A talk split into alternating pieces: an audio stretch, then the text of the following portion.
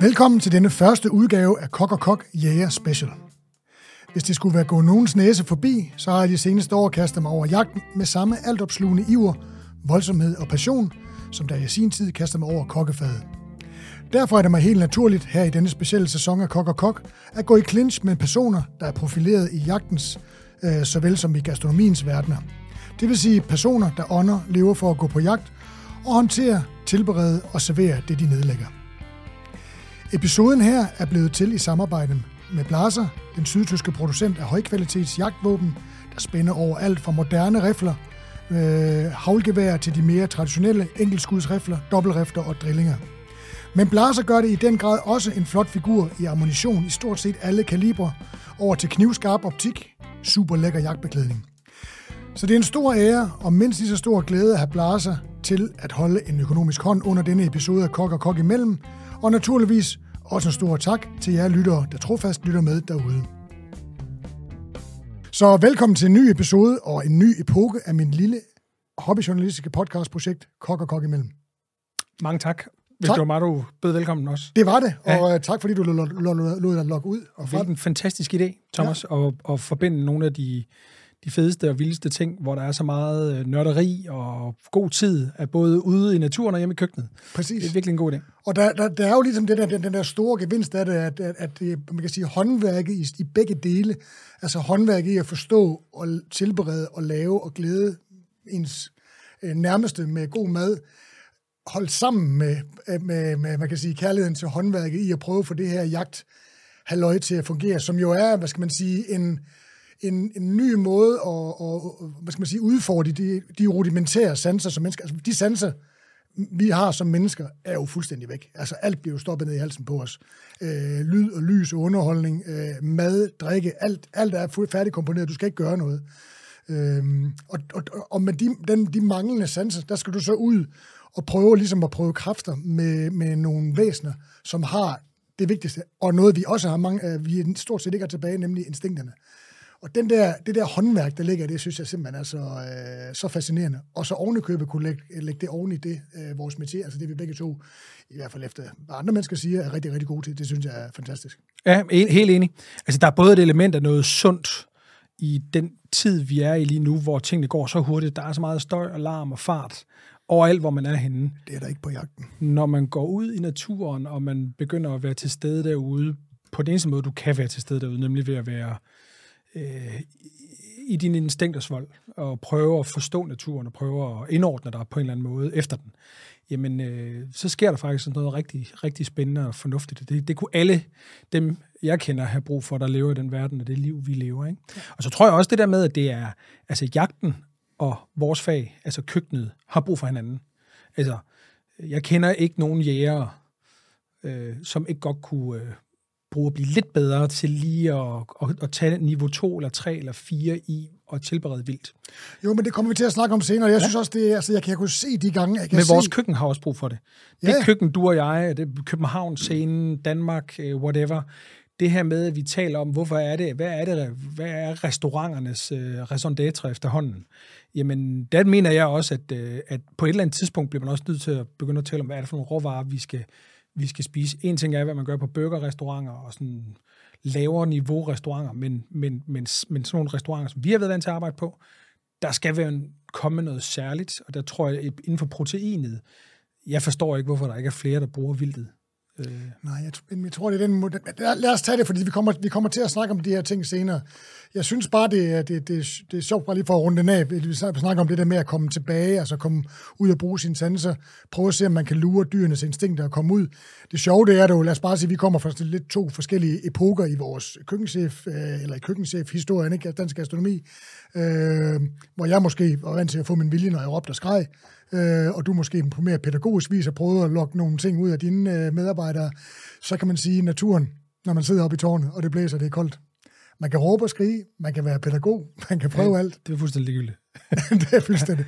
Du er nødt til at sidde og vente, ja. Ja. og du er nødt til at være der på naturens præmisser.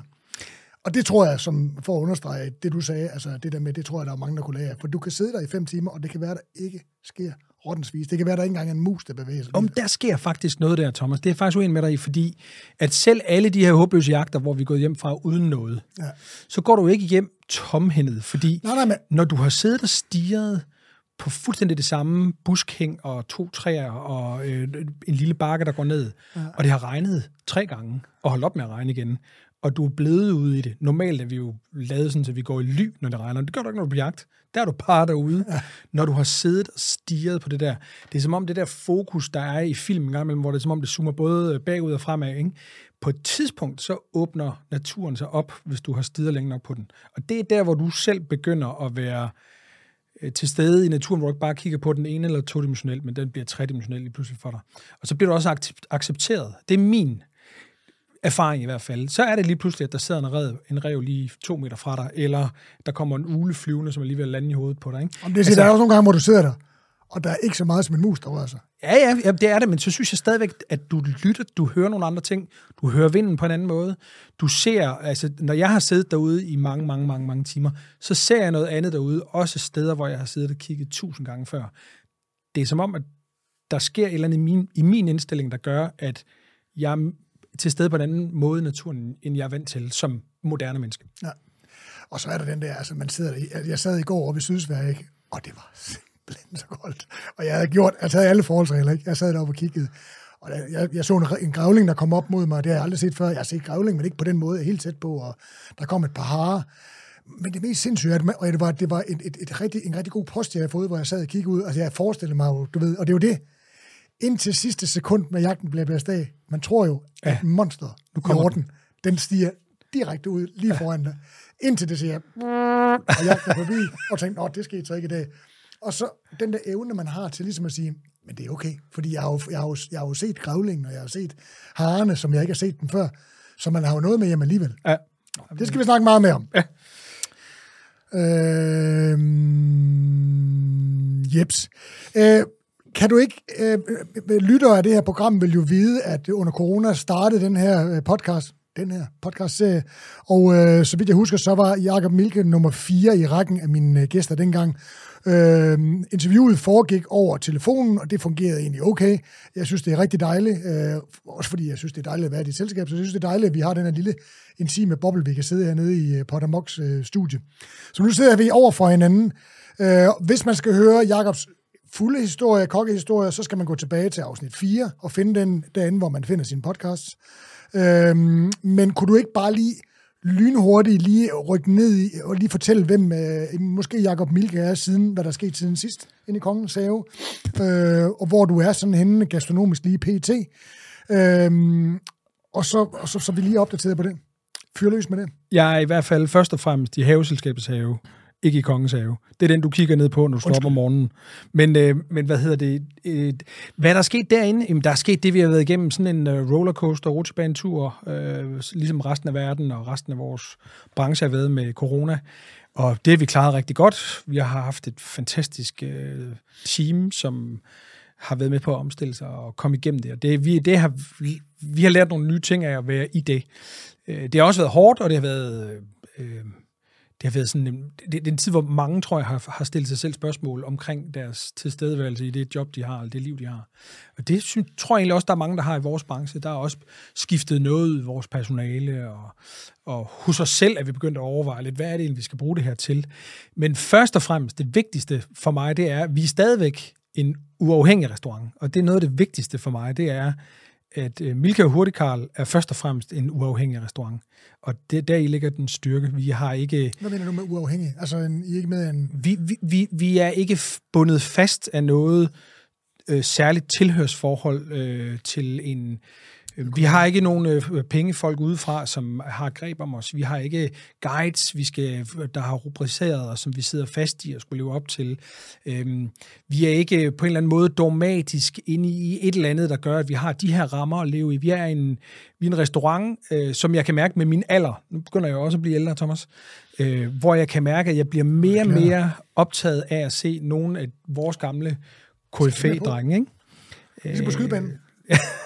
Men det der med at, at, at se nogle af de der, øh, det kan være Alan Passar og nogle af de der folk, der bliver ved med at stå og have et øh, kulinarisk øver, som går mange år tilbage, 40 år måske, eller sådan noget. Ikke? Der kan jeg mærke, at jeg er godt på vej af den tur. Øhm, og det er egentlig det, jeg begynder at tænke mig om, hvad er det for noget mad, vi skal lave? Jeg tror, noget af det, vi laver, bliver mere klassisk. Øh, vi laver stadigvæk en masse sidespring og en masse Men du har jo, hvis lige meget det der, du, du har jo, altså jeg, jeg har jo altid opfattet som meget innovativ, og som du rigtig siger, uafhængig, og har haft din egen lille niche. Det er også det, jeg bliver ved med at, både det første episode, vi lavede også, øh, det kommer jo også til i den her, det, du, altså du har jo en, din egen vinkel på tingene, som jeg ikke synes ligner noget andet med et sjovt, en masse reminiscenser fra det franske køkken, og der er også meget asiatisk indover, men, men ikke klokkeren asiatisk, mere den der fransk-asiatiske fusion, ser jeg, og det må du endelig rette mig, hvis jeg siger noget forkert. Men du har jo flørtet med pitiviers og, og små Turt og øh, øh, paté og, og alle de her ting og sager, som jo meget pudsigt også, for nu handler det her program jo om jagt, som, som lægger meget op af den intensitet og, og smags, det smagsbillede, der er omkring vildt. Øh, kan du blive endnu mere klassisk end det, tænker du? Ja, det, det tror jeg faktisk godt, jeg kan, men det er også et spørgsmål om, hvilken klassisk øh, øh, stil man lægger sig hen til. Men i hvert fald enklere i sit udtryk. Øh, øh, øh, noget med den der helt klassiske råvarebundenhed, hvor det... Jeg kan i hvert fald mærke noget, noget for mig selv, hvor at jeg, det, der bliver lidt mere no bullshit for tiden i det, jeg laver. Det vil stadigvæk for nogle mennesker, øh, for vores gode ven Mark Lundgaard, være et kaotisk møde og komme ind og spise hos mig, fordi der foregår mange flere ting, han selv er vant til. Men, men, men jeg tror, øh, jeg tror sådan, øh, for mig, min oplevelse i forhold til, hvor jeg har været, og det der med at være en uafhængig restaurant, betyder, at jeg kan jo fuldstændig ændre kursen efter for godt befindende i morgen. Og de gæster, vi har, som kender os, er jo vant til det.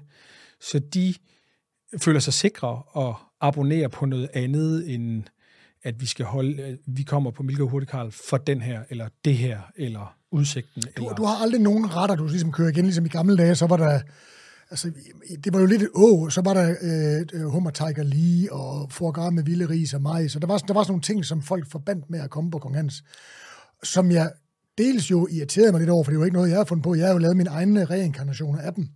Øh, men dels glæder jeg mig egentlig over, også over, ligesom at folk ligesom havde, altså, havde så stor tillid til, at at nok var, var jeg kommet til, at jeg lavede det på en anden måde end Daniel og, og alt muligt andet, men så der er både sådan, man har sådan, det, det er sådan et havde kærlighedsforhold. Er der, ikke, er der ikke nogen retter, nogen serveringer i jeres menu op, som folk kommer tilbage for? Der er ikke nogen, der ligesom genganger i det.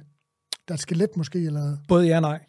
Jeg tror, den helt store forskel, det er i forhold til dengang, du var på Kong Hans, det er, at der var der nok en større bundenhed til, at der var nogle gæster, der havde en forventning og kom efter den. Og hvis du begyndte at gøre alt for meget i dag kører vi lige en tomatskumfidus øh, ved det, så tror du er blevet øh, måske lige sat ned ved et bord, så kan det godt være, at familien Grønlykke havde kommet og sagt, Thomas, øh, lad os lige snakke om det her. Ikke? Ja. Øhm, Formentlig. Formentlig, det ved jeg jo ikke, men jeg, det, det vil jeg tro, at der har været, det har ligget lidt mere i Kong Hans, okay, at der var der nogle ting, altså der var, det er fint lige at få en due ind, eller en bøf, øh, altså, eller noget hummer. Vi skal, vi skal lige passe ind i den rolle, vi dog skal leve op til. Der var mange ting, jeg havde frie hænder med, ikke? fuld luksus, fuld skrue, men, men I kan ikke bare jamme fuldstændig frit ud af. Jamen, jeg havde ikke lyst til at bare jamme. Altså, jeg, jeg havde hele tiden lyst til at gå, og det gjorde jeg gennem alle de 18 år, jeg var der, hele tiden at prøve at navigere i den tid, vi var i, for ligesom at få det, de elementer ind, så det ikke bliver bare et sovekøkken. Men derfor jeg synes jeg, jeg, jeg sætter meget stor pris på at, og ligesom at, at erkende, at der var et DNA. Ja. Det er kong Hans spøgelse, og så prøve ligesom at, at, at, at akkommodere det, kan man sige. Ikke? Altså, i Ålsgård, der var vi inspireret, jeg kan sige det helt kort, af at tage ud, Jan, opleve et eller andet, Japan det ene år, Texas det næste år, eller Sydafrika, eller whatever, kom tilbage med noget, fortolk det. Det var det, der lærte mig at blive kreativ. Det var, at du hvert år skulle komme op med noget nyt. Det var en genial øvelse for at lære en ung køkkenchef at blive kreativ, hvis man ikke var det. Det vi gjorde, da vi kom ind på Milke og Hurtigkarl, det jeg gjorde, det var, så endte jeg ikke, hvad jeg skulle lave. Altså, fordi nu havde jeg ligesom ikke rigtig noget opdrag. Og hvis det var, hvis det var rent klassisk mad, jeg lavede, så kunne jeg bare slå op i bøgerne, og så give mit take på de klassiske retter. Det er jo det svære og den forbandede pligt, når du laver rent klassisk mad. Ikke? Det er gå ind og lave dine fortolkninger af noget, vi alle sammen på en eller anden måde har et forhold til at kende. Og gør du det godt, så er det jo fuldstændig vanvittigt fortryllende. Ikke? Men vi blev enige om, eller jeg blev enig med mig selv om, at vi lavede en menu, som egentlig er den samme menu, vi kører i dag. Den hedder derfor metamorfosen. Så det er faktisk igen noget med naturen. Så ideen var, at haven og hele den måde, vi indrettede restauranten på. Du har de klassiske rammer inde i restauranten. Du har de der meget linjer. Der er ikke en blød kurve noget sted. Eller det var der ikke inde i gastronomik, som restauranten hed før. Alt var koldt og køligt. Sådan lidt øh, frossen øh, tyrkise farver. Lidt afskallet guld her og der. Øh, alt var romantik. Øh, linjer, linjer, linjer. Det skulle jeg på en eller anden måde, den romantik, eller den skulle knaldes ind på låget af noget vildt og sindssygt ud fra haven, og noget, øhm, noget ustyrligt, og noget levende, og noget grønt, og noget... Øh, så det, hvis du kigger på vores indretning i dag, så er der jo glimmerbøsser og insekter og sådan noget rundt på væggene, men man tror bare, det er blade, men der er alt muligt, alt skidtet. Ja, der er sgu alle de der ting med ind. Så klasse mellem det innovative og det klassiske, det var det, jeg gerne ville lave. Menuen blev så en fortolkning af mine yndlingsråvarer og mine yndlingssmage, og der er nogle af dem, der er asiatiske, og der er nogle af dem, der er inspireret af forskellige ting. Så når du spørger mig, om jeg sætter den samme ret på, jamen, så gør det jo lidt, og alligevel ikke, fordi metamorfosen er jo en, et rul, naturen laver, hvor den bevæger sig fremad, men går jo egentlig tilbage til sig selv. Ja. Og det er den måde, jeg har lavet mad på i alle de år, jeg ved derinde. Så når jeg siger, at jeg ikke har skiftet menuen, siden jeg startede, så er det jo både rigtigt og forkert, fordi den skifter konstant, men den er aldrig helt taget af og bliver skiftet ud af en ny menu, men det er hele tiden små ting, der bliver taget ud, Præcis. eftersom årstiden den ligesom bevæger sig frem, og så genbesøger vi de smage, de råvarer, de, de ting. tilpasninger, der nu er i den ja, tid, man er i. men altid på en ny måde. Ja. Så kombinationerne vil du kunne kende. Altså, der er nogle særlige kombinationer, som gæster, for, der kender restauranten godt, kender, og som de så får i forskellige afskygninger. Som kunne være en kombination af nogle krydderier, der går godt sammen med noget ja. et eller andet. Og man kan sige, at selve skelettet, det der er så populært i, i vores dage, ja. hedder årshjulet, ja. det er jo egentlig, det, altså i hvert fald i køkken, det er jo sæsonerne. Og, ja. og man kan sige, kriganen er der under kriganen er den, og øh, rosenkålen er der, når rosenkålen er der, og stenbideren er der, når stenbideren er der, ikke? Ja. Så der er også et bibliotek, man hele tiden tager op, og, og det skal man så ligesom sørge for ligesom at præsentere på en, på en ny måde. Og det der med, at folk forstår det og kan genkende det, men alligevel sker der noget, det, ja. synes, det synes jeg er fascinerende. Ja. Nå, at, at, og hvad, hvad, hvad, hvad sker der ellers øh, sådan rent kokkemæssigt i dit liv? Er der, er der noget nyt, eller er det metamorfosen, der ligesom er... Øh...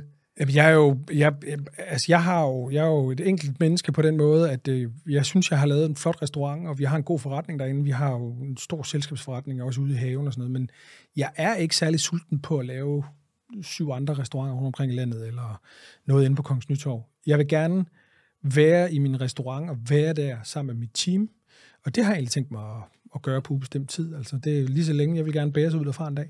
Altså ligesom du skal bæres ud af Masterchef-studiet også? Jamen, øh, det ved jeg ikke, om jeg bliver. Det, det er jo, ja, det synes jeg, lige så længe jeg synes, det er sjovt at lave, så gør jeg det også det. Men, er der, altså, lidt, er der men, lidt metamorfose i det også? Men jo, en, jo sådan, men ikke på sådan noget madmæssigt plan.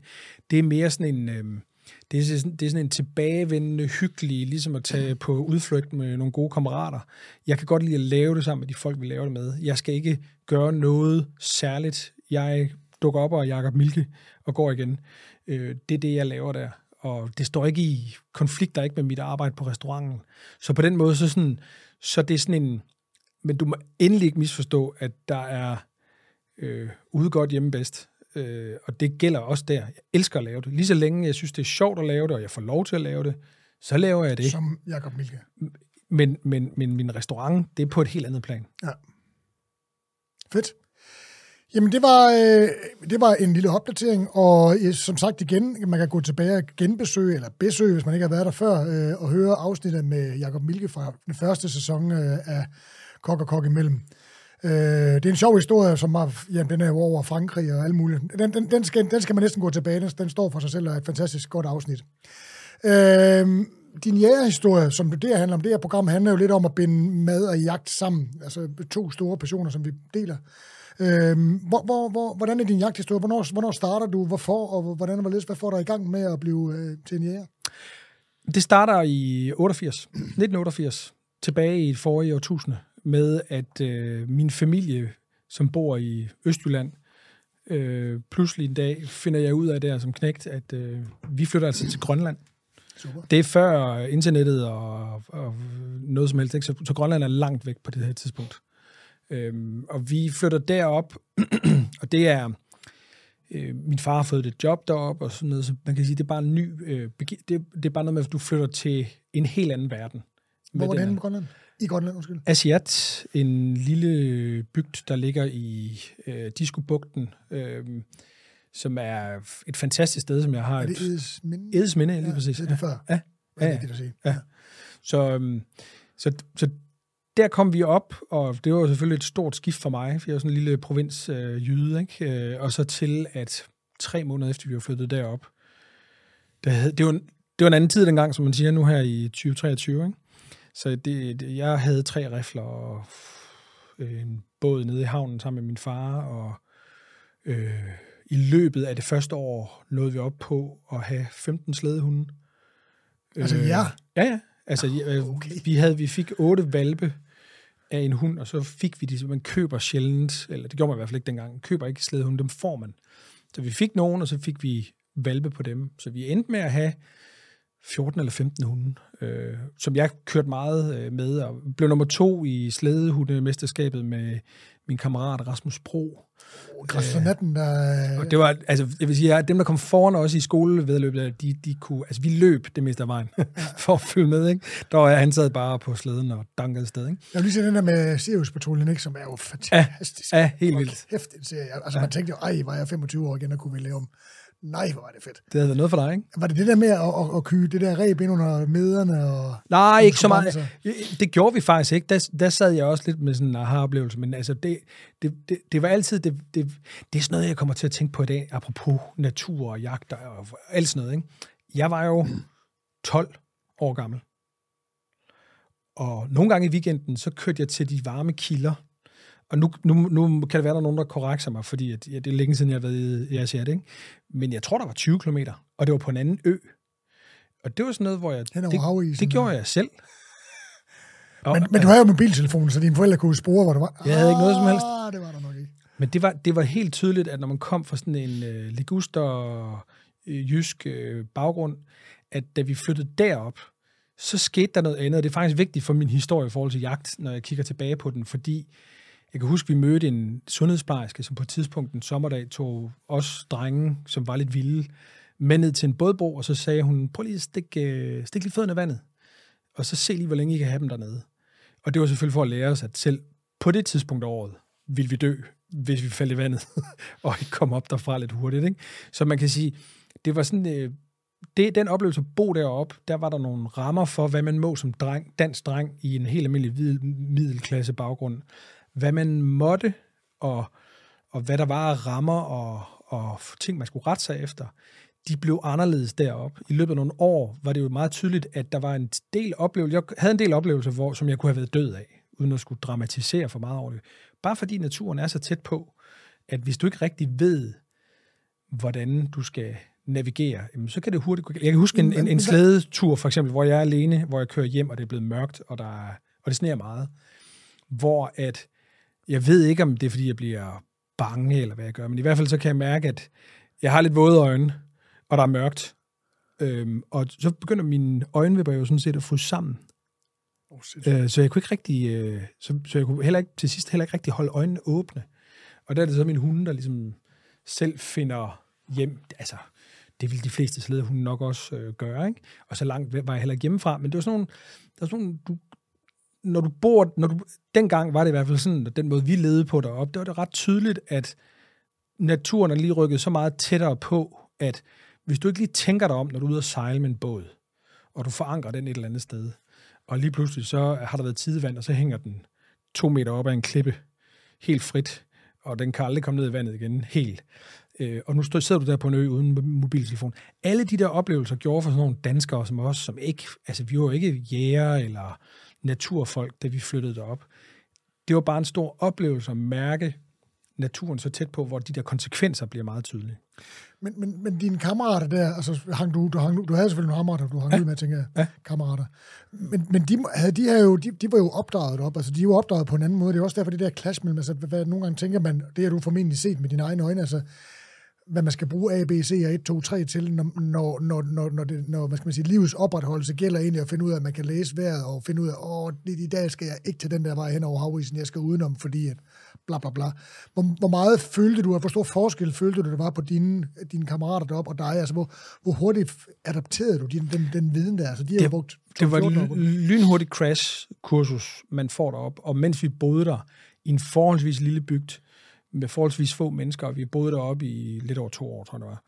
Der, der øh, altså, det, det skal ikke igen lyde dramatisk, noget, men døden blev jo sådan en lidt mere nærværende ting også i det. Der var jo en af min fars kolleger, som fik amputeret begge ben. Han kørte ud over isen og ikke lige havde styr på det. Og, altså, der var, det var sådan tydeligere det der med, at liv og død er noget andet end det, vi mærker herhjemme, hvor vi har det lidt mere udstrakt arm.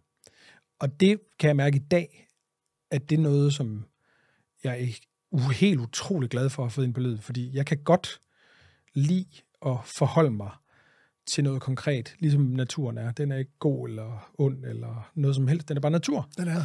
Øh, og, og hvis du kan forholde dig til det, så er der jo noget, så kan du mærke tingene. Jeg kunne nogle gange have det sådan, at i sådan et moderne miljø, som vi er i i dag, i København i 2023, der kan der nogle gange være så meget fart og så mange uskrevne regler og så meget øh, støj, at det nogle gange kan være svært helt egentlig at navigere i tingene. Altså, jeg kan godt forstå i hvert fald, hvis der er nogen, der synes, det er svært at finde ud af, hvordan man skal navigere igennem tingene i den her tilværelse. Altså, det mener jeg faktisk helt øh, ærligt. Hvor de bliver jo i forhold til, hvis du er i natur, nogle andre. Du har ikke de samme muligheder, øh, du har ikke de samme øh, fornødenheder. Til gengæld så er det øh, roligere for kroppen og sjælen at forholde sig til det, der ligesom foregår omkring dig, hvis du tuner ind på det. Ja, men, men det er jo også kompetencer, der, der er forskel på, hvilke kompetencer, der skal bruges her. Ikke? Altså, mine klassekammerater synes, det var helt mærkeligt, at jeg som syvårig satte mig i tog, og så kørte jeg til det, de troede var København. Ikke? Det er jo så alt, der foregår på den østlige side af Storbæltsbroen, ikke? ja. fordi jeg skulle over til min mor, og det gjorde jeg bare. Min hus, søde hustru øh, kørte rundt, da hun var barn, altså med tog og bus, altså på kryds og tværs igennem hele København, fordi hun skulle ud og ride, eller hvad hun nu skulle, ikke? Altså, og når man tænker på i vore dage, hvor forældre går med deres børn ud og tækker slik, øh, til Halloween, fordi de er bange for, at der skal ske dem noget, fordi de går 100 meter ned ad gaden. Ikke? Altså, jeg ved ikke, hvordan, hvordan, hvordan, hvordan skal jeg sige det? Hvordan, altså, hvordan, hvordan kobler du sammen på dine egne børn? Altså, når du, er du mere øh, laissez-faire med at sige, altså, de må de, skulle, altså, de må de skulle selv finde ud af, fordi dengang op på Grønland, der, altså, hvordan, tænker, hvordan kobler du de to ting? Hvordan? Altså, ligesom alle andre ville jeg jo ønske, at jeg kunne give dem de samme oplevelser, som jeg selv har haft, som jeg synes har været meget vigtige for mig. Altså, jeg navigerer stadigvæk efter det i dag. Som men du jeg navigerer jo ikke så meget i det, at det, det, det, det er vigtigt for dig, at dine børn lærer de. Nej, men jeg tror, det, jeg tror, det er noget andet, fordi det er jo hele, det er jo forbundet ind til, hvad er det for et samfund, vi lever i, hvad er det for en skole, vi går i, hvad er regler, rammer og alt, alt muligt andet.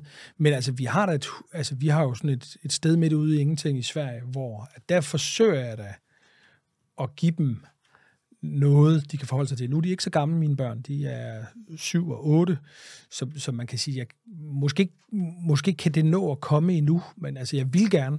Det er en vigtig ting for mig, altså om, at se, om jeg kan prøve at gøre dem lidt stærkere i at forstå sig selv, for der er ingen tvivl om, at jeg kunne mærke fra, fra vi flyttede til Grønland og til at flytte hjem igen, at mens vi boede deroppe, var det bare noget helt andet.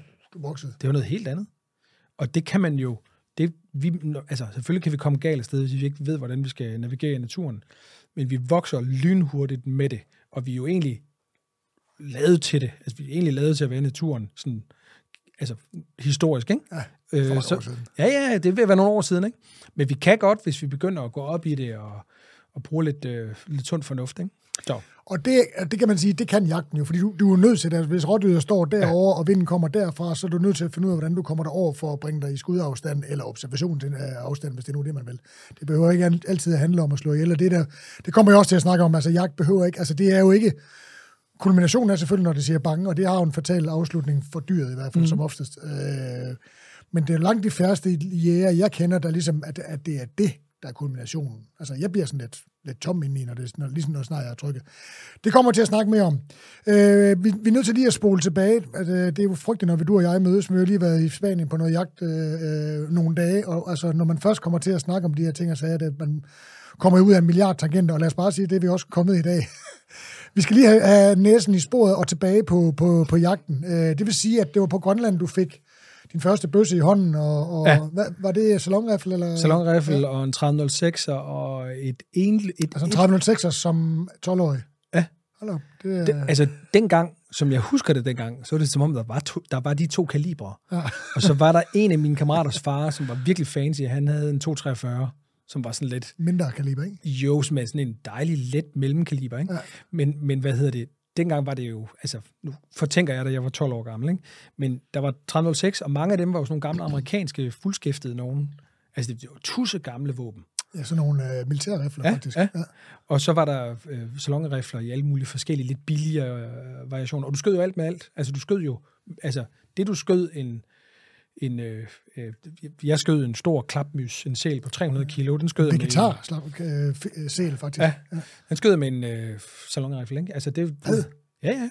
Altså, du skød, du skød de samme ting med de der... Jeg tror ikke, at på den måde, sådan som jeg husker det, der var det ikke sådan så kaliberspecifikt, som man måske nogle gange kan møde det i... Det kommer vi også mere ind på. Men øh, det var super fedt. Altså, da vi kom hjem derfra, kunne jeg, jeg fiskede derop. Fiskede helt sindssygt derop. Øh, vi var på jagt, hundeslæde, båd, alt det der. Øh, da vi kom hjem derfra, kunne jeg simpelthen ikke finde ud af det. Jeg fik en jagthund, en gammel dansk hønsehund, som hed Miki, ligesom af min, min, øh, min førerhund, M-I-K-I, øh, som er grønlandsk. Ikke Mickey Mouse, vel, men Miki. Øh, jeg kunne ikke rigtig, jeg kunne ikke omsætte de ting, jeg havde med derop fra. Vi fik den der hund, den havde hoftedysplasi og astma og alt muligt, og ørebetændelse. Den kunne ikke gå på jagt. Øhm, når jeg er ude at fisk, jeg boede øh, i Holstebro ved Storåen, som jo er noget af det bedste laksevand i dag, ikke? Jeg kunne sgu ikke rigtig samle mig om det, lige da jeg kom hjem derfra, for jeg var vant til, når du gik ud, så så du noget. Men der var jo ikke nogen fisk, for helvede, altså. Det var jo, når vi, derude, der sejlede vi jo ud, og så fangede vi øh, et, sådan et lille badekar fyldt med torsk på en halv time, og så sejlede vi, så havde vi det til hundene. Eller, og så, så det var mit job som knægt, ikke? At stå med en økse og hugge en frossen sæl ude foran til hundemad, ikke? Altså, skide sjovt. Elskede det.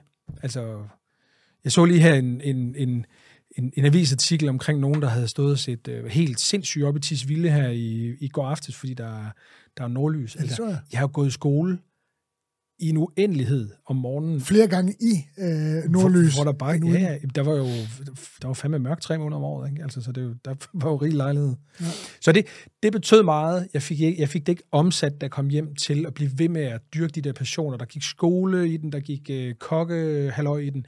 Og så er det faktisk i forbindelse med, hvad er det, en 15 år siden eller sådan noget, hvor at, at jeg tager det op igen, fordi jeg kan mærke, at der har været... Hvor lang tid har du haft øh, restauranten? Hvornår fanden var det vis? Jamen, det var der om øh, 17, øh, nej 7, undskyld, 2007.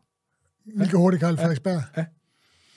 Så jeg, mens jeg boede i Paris og London og sådan nogle ting, så der var der ikke noget som helst. Der var ingen jagt. No, nothing. Øh, og når du kom hjem, dengang, så havde man sådan et blåt kort. Altså, der var sådan et eller andet, jeg, kan ikke, jeg, jeg har nok ikke måttet, men min far, som ikke havde jagttegn, måtte sådan set gerne få rifler med hjem, sådan som jeg forstår, at reglerne var dengang. At de var sådan rimelig liberale, sådan noget våben. Det er de øh, ikke mere. Nej, det er slut med det, og det er det sikkert, det er sikkert meget godt. Ja. Men grunden til, at det kom ind igen, det var faktisk lidt igen for, at man, når man har kørt 280 km i timen i et år 10, øhm, hvis jeg skulle connecte til noget igen, hvor sensorne giver lidt mere mening, og man begynder at forstå, øh, øh, sådan, lige få en ro og få fat i noget fast grund under fødderne og noget at holde i, jamen så var det ude i naturen. Og så fik jeg taget mit fiskeri og mit jagt op igen. Kan du huske, hvad der katalyserede det? Altså, Ja, ud over ja, tanken. Presset, at jeg var presset. At jeg var presset og forvirret og, og øh, Var det efter stresset, tror jeg, man vil eller kalde det. Ja, det, var, det var nok i starten der, i starten af, af, af efter vi fik ligesom etableret Milke og Hurtig Karl, og det var sådan lige der omkring, at, at der har bare været nogle, altså, man skulle huske på, jeg bo, de, de år, jeg boede i Paris, der arbejdede jeg, det hører man altid, man må også sige, hele tiden, men det var hele tiden, altså, og da jeg boede i London, hele tiden, jeg havde ikke noget liv, jeg arbejdede bare. Da jeg kom hjem og gik i gang med Ålsgårde, så fik jeg lidt mere liv, men det var til gengæld også et andet ansvar. Lige så var jeg køkkenchef, og da vi skulle bygge restaurant, og det var 2008, der kom, og finanskrise og alt muligt. Ikke? Der var bare mange... Øh, der var, det var bare sådan kulminationen, tror jeg, på at have virkelig kæmpe output i mange år, at knokle røven ud af bukserne for et eller andet. Og når man så begynder at, sige, ligesom at skulle sådan, øh, altså ligesom også få noget ind igen, altså finde også noget andet inspiration. Hvad fanden skulle jeg bruge inspiration, når jeg ikke længere kunne rejse til Japan, eller det var ikke det, jeg havde som koncept mere. Så, så trængte jeg simpelthen til noget andet at få energien fra, og jeg trængte også til at få fat i et eller andet konstant, som jeg kunne forstå. Det var det faktisk de der gamle, ligesom kunne vende tilbage til. de gamle erfaringer fra, fra mine barnder på Grønland, der kom tilbage. Altså det der med at komme ud i naturen, jeg kunne mærke, der skete noget med mig, når jeg var derude. Jeg kunne mærke, at jeg blev øh, fokuseret, rolig, skarp, øh, glad, lettet, øh, fik skuldrene ned. Alt det der, man gerne ville. Så det har været mit, det er sådan set mit, øh, det har været min måde at, at få mig selv sådan ligesom øh, bragt i balance igen. Kørte Og det bruger jeg det også til i dag. Ja. Kørte det i- de år der, fordi jeg, jo, jeg gik jo rigtig meget på jagt med min far. Vi blev skilt, eller mine, mine forældre blev skilt meget tidligt, så jeg var- havde så meget brug for at være sammen med min far og vide, at han var der og sådan noget, øh, for ligesom at have trygheden. Så de, de, ting, vi lavede sammen, betød meget for mig. Vi gik rigtig meget på jagt sammen. Han, gik med, han, han var helt vild med at gå på, du ved, forstående hund, af øh, fasaner og harer og ting og sager. Snapper? Øh, ikke, s- det, det var der sikkert, det husker jeg ikke. Altså, jeg husker, ja. det, det, det var regnsbue og ja. altså, de der ting der, ikke? Øh, og så skulle jeg selv, da, da jeg skulle til at tage jagttegn, så var jeg kommet i gang med det her kokkehalløj, og det røg ligesom ud. Men det var der jo hele tiden. Det, altså, jeg var hele tiden regnet med, at jeg skulle have jagttegn på et eller andet tidspunkt. Mm. Og, så, og så på et eller andet tidspunkt, så fandt jeg jo, at det, det, det når jeg simpelthen ikke i det her liv. Altså, det, desværre, jeg vil skide gerne, men det, jeg skal ikke have flere ting, jeg ikke øh, har tid til. Og så fik jeg det her for, for halvanden år siden. Og så er det jo gået, så er det gået ret hurtigt siden, og det kan vi snakke om en anden dag. Men når jeg ser på, hvordan mit sidste halvanden år er gået, hvordan jeg ligesom er kommet ind i det, altså hvordan, hvordan da, du, da du ligesom besluttede, nu skal det, du, du havde dit jagttegn, og du, du, du var en dreven jæger, du havde noget som noget at vende tilbage til.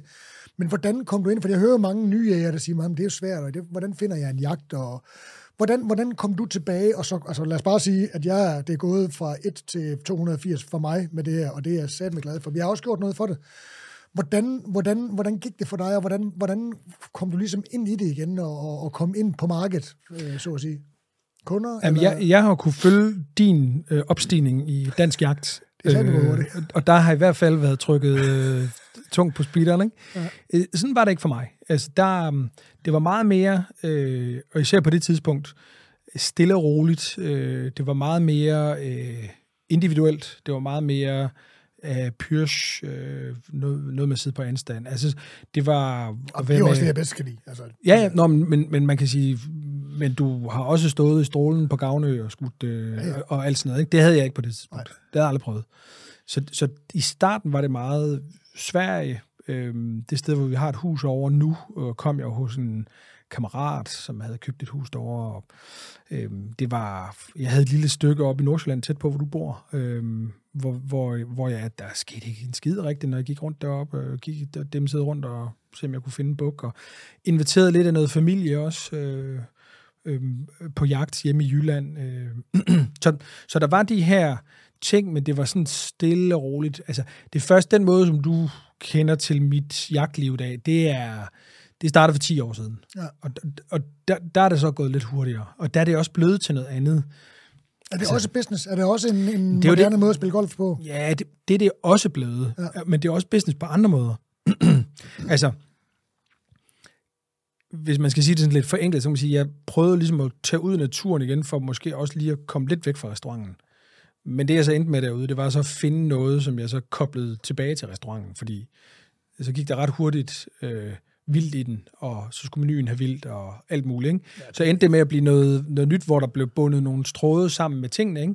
Og, og, og, og så kom der så også det, at, at der også er en del jagt i dag, der er noget jagt i hvert fald i dag, som er sådan selskabsjagt sammen med øh, øh, øh, altså, gode venner, men også forretningsforbindelser, og, og som er, ligesom du vil sige, ligesom at spille golf. Ikke? Ja. Bare for folk med et sexliv. Ja, den skal de, øh, den skal de tykke lidt over. Jeg spiller ikke golf, kan du høre. Nej. oh, sådan der. Jeg har sådan et punkt, der hedder den, den hæslige jæger, fordi der er rigtig mange danskere, der ikke synes om jagten, og der er rigtig mange, der ikke synes om jagtens væsen. Jeg, jeg bruger selv utrolig meget tid til at prøve at forstå, hvorfor nogen ikke, og respektere også, altså at hvorfor folk ikke synes om jagt, og hvad der er vemmeligt ved det. Så jeg ligesom kan undgå og, hvad skal man sige, at rive folk det i næsen. Jeg har ikke brug for at be- be- provokere nogen, jeg har ikke brug for at overbevise nogen. men jeg har brug for at forstå, øh, for at kunne navigere rigtigt, hvordan, hvordan man gør det. Altså, øh, så derfor har jeg også prøvet at gøre mig ekstremt umage med at prøve at formidle, hvad jagt også er, udover at dræbe, øh, lad os bare sige uskyldige dyr, det er de jo et eller andet sted. Nogle af dem, der er også nogen, der ikke er. Men øhm, øh, og ligesom fortælle, hvad jagten kan, øh, og hvad jagten, øh, altså hvilket behov der er for jægeren i dag. Så det bruger jeg rigtig meget tid på. Kan du ikke prøve at fortælle mig dit syn på, hvor, hvordan den, øh, hvad en, danske, en dansk jæger er 2023, øh, hvordan han bør agere, øh, og hvordan, hvorfor du synes, det giver mening at være jæger i en lidt bredere forståelse, end den gængs øh, opfattelse af, at bare man er en, øh, en, en midalderne øh, hvid mand øh, med nogle lårlumbukser fyldt med jægermeister, og så bare skyder til højre og venstre og halvfuld. Kan du, kan, du, kan du prøve at fortælle, hvad, hvad, hvorfor, hvad, hvad giver det mening? Hvorfor giver det mening for dig at være en, den aktive jæger og formidler, som du også, det er blandt andet derfor, du er med i programmet her. Øh, hvordan hvordan, hvordan øh, griber du det an? Altså, jeg synes, det er, det er, et, det er et kæmpe stort tema, egentlig, og, og, og man kan gå til det på mange måder, og hvad er egentlig min... Hvorfor er det, jeg jæger, og hvorfor er det, at man kan tillade sig at være jæger det hele taget? Altså, jeg ved sgu ikke engang, hvordan man skal gå til det, men jeg vil sige, hele ideen om ikke at være jæger, man kan måske vente den om, ideen om ikke at være jæger, oh, den er sjov. og ikke at spise vildt, det, det, det, det er sådan, hvis, hvis, hvis vi lige ruller der tingene ud og kigger i det her et lidt større perspektiv, siden vi begyndte at gå, så kan man sige, altså sådan som blev gik fra aber til mennesker, ikke? så det, det er et relativt nyt eksperiment, ikke at være jæger. Ja, det må man sige. Altså, det, det, det er ikke mange generationer, faktisk, hvor man kan sige, det er jo en, det er nogle hundrede år eller sådan noget. Altså, det, det er jo sådan set hele ideen om at være lidt tættere på naturen og leve i forbindelse med den, om det så er vildt, og også begynde at have og bruge sådan nogle ting og sager. Altså, hvis vi bare kigger på de 100.000 vis år, der ligger før. Ja, det, nu snakker vi jo, snakker så... vi jo 2,5 millioner år. Ja, ja, jamen, altså, det, men det, for... det er bare indtil, hvor langt vil du tage den tilbage, ikke? Ja. Så, så man kan sige, øhm, så, så, så igen der er der noget, synes jeg, hvor man kan sige, jeg skal lige forstå modargumentet før. Altså, hvad er det, det er? Hvad, hvad går det ud på? Det kan jeg godt, det kan jeg godt sige dig, hvad, det, hvad jeg tror, det gængse det modargument er. Jamen, hjælp mig. Jamen, vi har, vi har også haft slaver i 2,5 millioner år, og nu er vi blevet klogere. Skal vi stadigvæk, altså, vi har jo stadigvæk fundet ud af, at vi skal ikke have slaver mere. Derfor kunne man også sige, hvis nu har vi jo andre former for ernæring end vildt kød. Så derfor kunne man sige, altså øh, evolutionært kunne vi også sige, at vi måske er nået dertil, hvor vi ikke behøver at se et stakkels dyr i øjnene, og så tage livet af det, når vi kan, øh, bare for vores øh, fornøjelses skyld. Hvad er det så, jeg skal spise i stedet for? Nu, nu, nu siger jeg bare til, at det er ja, ja. typisk modargument, altså, men det er jo fordi, folk synes, det er modbydeligt at så dyr ihjel. Og jeg kan ikke sige, at jeg synes, det er modbydeligt, men, men det er da også det er noget, jeg forholder mig ja, jeg synes, ekstremt det, meget til. Jeg synes, det er sådan lidt stedfortræder øh. Det der med at have en idé om, at, at man... Det er også en, en for, fortrasket traver, det her, men hele ideen om, at, at man øh, gerne må spise kød, hvis man kan holde det ud i strakt arm og vende det blinde øje til og lade nogle andre stå med det beskidte arbejde og slå dyrene ihjel. Og i øvrigt opfostre dem under kummerlige. kummerlige vilkår. Altså hele den Mest form for argumentation forstår jeg ikke. Og så tror jeg også, den, den del af argumentationen, som handler om, at man er den hæslige jæger, øhm, jamen altså, jeg har brugt ufattelig lang tid af min fritid, vil min kone nok sige, på at være i selskab med råvildt. Ja. Jeg elsker ikke et stykke råvildt. Jeg elsker råvildt, jeg vil gøre hvad som helst for, at der er råvildt her om tusind år. Jeg synes, det, det jeg bliver aldrig træt af det. Jeg bliver aldrig træt af at, at jagte dem, eller prøve at forstå dem, eller være omkring dem. Jeg har brugt så lang tid på det. Så hele ideen om, at, at det, altså, jeg kan slet ikke forstå den der idé om, at der er noget sådan ondt i forhold til det. Altså, der er en bestand, og den bestand, den er der nogenlunde styr på i Danmark, og der er en, et forhold til naturen i, at og man høster, meget overvildt. man altså, høster som... noget, som er i en bæredygtig øh, udvikling. Øh. Men skal jeg forstå det sådan, at du med din rolle og din jeg kan, måde, jeg kan du forholder dig over for Rottevild på, for eksempel, ja?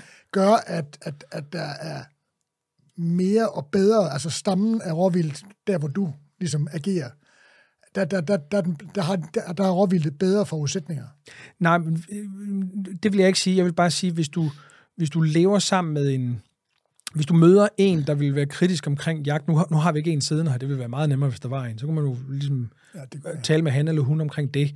Men det er fordi argumentationerne omkring dem forstår jeg sjældent, og tit og ofte, når jeg har snakket med nogen, for jeg synes også, det er spændende at snakke med folk, øh, der ikke bryder sig om jagt, eller ikke kan lide, at man slår dyr ihjel.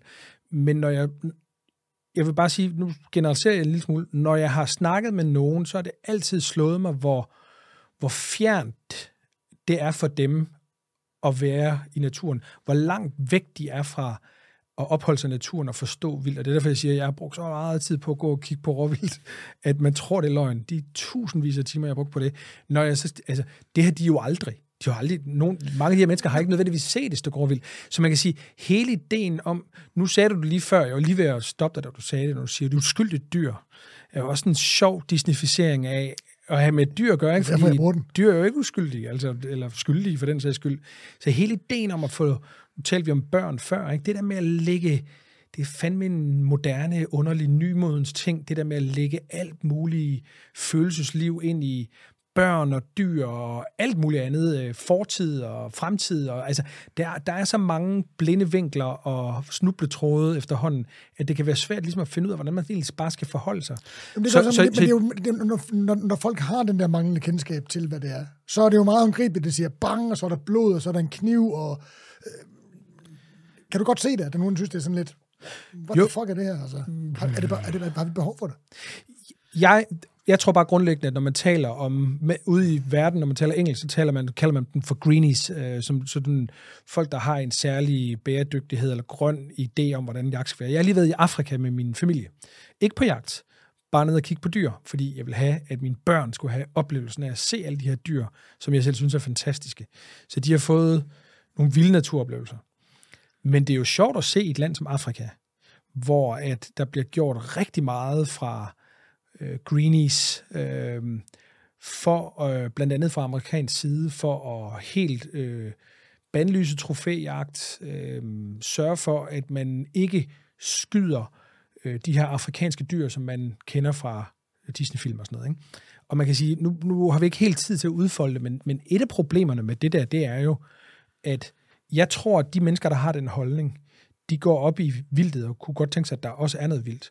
Problemet er sådan set, at hvis man skal spole lidt hurtigere omkring frem til, hvad der egentlig kommer til at ske, når man, når man bandlyser professionel jagt på dyr i Afrika, så bliver det, vi kender som sådan savanne og nogle af de her steder, altså hvor det er vild natur, vild afrikansk natur, bliver i højere grad til kvægproduktion, som vi kender fra Brasilien. Så, så man kan sige, det er den sikre måde at udrydde mange af de vildarter, vi har i dag, at man holder op med at drive jagt på dem. Og det, det, det skal man bare forstå. Altså, det sorte næsehorn, som jeg har set flere gange, men som mine børn nu også har set, men jeg ikke troede, de skulle komme til at se, fordi det bliver udryddet. Det bedste, du kunne gøre for det sorte næsehorn, hvad er det? Regulere det. Eller, eller, la, la, la, lave professionel jagt på det. Ja. Og, og, og give, give kineserne, som tror, de får store tissemænd af at spise deres horn, give dem lidt, og, og gøre, at der er krybskytteri på det. Ikke? Giv dem en, en forretningsmæssig hvad kan man sige, konkurrence. Altså giv, giv dem noget, noget, noget konkurrence i, at vi kan sige, at den måde, man laver trofæjagt på, det er ved at skyde gamle runkedor handdyr med store horn væk, men at du har en sund, stærk population, som gør, at du har en bæredygtig bestand. Nu generaliserer jeg helt vildt meget, vi kommer lidt hurtigt hen over det her, men man kan sige, grundlæggende, der er det jo sådan nogle gange, at den holdning, den frelste grønne holdning i det her spørgsmål, hvis den blev ført ud i livet, så ville det faktisk betyde, at der til sidst ikke var noget vildt tilbage. Det ville jo være helt sindssygt. Ja. Altså, det tror jeg heller ikke, at folk selv vil. Men det beskriver igen, hvor langt mange mennesker, der har en holdning til det her, egentlig er for at forstå vildt og natur. Så derfor kan man sige, min, min edlende bemærkning med, at jeg går rigtig meget ud af at prøve at forstå, hvorfor folk ser på det på en anden måde. Øh, det jeg egentlig vil sige med det, det er jo, at jeg synes, det er ekstremt vigtigt, at man har en dialog om, hvordan man gør det her. Og at ikke jægerne synes, at det er bare nogle grønne hippier, der er nogle idioter, og omvendt, at de, øh, dem, der øh, har et modsat øh, øh, synspunkt på tingene end jægerne, at de ikke synes, at jægerne bare er nogle gamle idioter, der bare vil øh, rende rundt i lovlumbukser og, og slå ihjel til højre og venstre. Det er jo ligesom at møde dem og finde ud af, hvordan man får det bedst muligt ud af det. Og man kan sige, at grundlaget herhjemme, det er jo, altså, uanset om du øh, hvad hedder det, øh, forvalter, hedder det, forvalter en bestand, så, er det, så enten du skyder dem, og tager de, bedste, de dårligste dyr væk, så de, så de, de sundeste dyr får de bedste forudsætninger for at have mad og, og plads og alt det der halløj.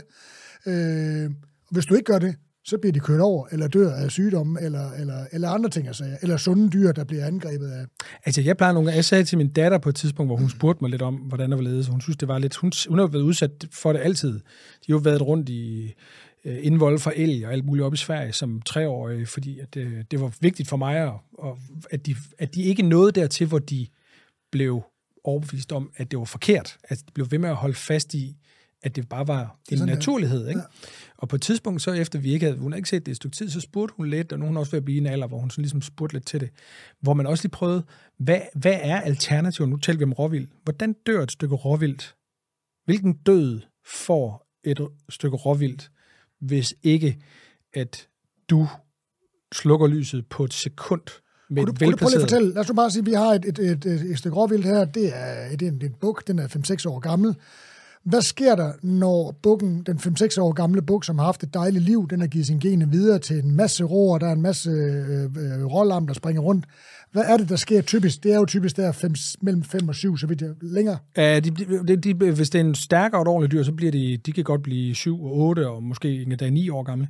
Men man kan sige, sygdom, øh, sult, øh, bliver spist bagfra af et øh, rovdyr fordi de ikke, altså tænderne begynder at blive slidt ned, de kan ikke Men få altså, nok ud af deres øh, kost, så bliver de skubbet væk. Det, det er bare den måde, de dør på. Ja. Altså det er jo, at de bliver svage, kan ikke klare sig naturen, og derfra, så kan man sige, hvis vi tager det at blive ramt af en bil ud af øh, ligningen, ikke, så kan man sige, øh, så kan man sige, altså he, he, det er noget lort, der dør sult. Øh, det er noget lort, der dør sygdom. Øh, og det er også træls, tror jeg, at blive spist øh, at, at, at, stykke, at noget Stange af en yngre buk, ikke? Jo, jo, det kan også være den, ikke? Øh, men så man kan sige, øh, hele ideen og det er, jo ikke noget med, det er jo ikke noget med, de, bliver jo ikke, de ryger jo ikke på plejehjem og sidder og kigger ud i luften og laver sudoku resten af deres liv. De bliver, rykker længere og længere ud fra der, hvor den gode mad er, der, hvor maden er tilgængelig, der, hvor damerne er, og til sidst, så bliver det jo bare at spise bagfra. Det er en langsom, det er en langsom, langsom død under alle bestemte. Det er ikke, nogen, det er ikke noget... Det er alternativet at være man kan sige, det er også naturligt. Altså, det, jeg har ikke noget problem med det overhovedet, fordi det er natur. Men hvis man er følsom over for øh, Bambi, øh, eller synes, det er synd, sådan noget, så vil man ikke have lyst til at forholde sig til, hvordan de her dyr de dør i naturen, fordi det er sjældent særlig rart at se. Og det bringer os videre til næste punkt på dagsordenen, øh, og det er jo at få sarte sjæle, øh, der ikke er grejnørder, skulle jeg lige til at sige. Der tager vi lige fat i en af jagtens allerstørste og mest naturlige væsener, nemlig græd. Og øhm, inden, vi skal, øh, inden vi skal gøre det, skal jeg lige måske lige ligesom en lille, en lille cliffhanger, bare så dem, der måske ikke er så grejnørde, bliver hængende.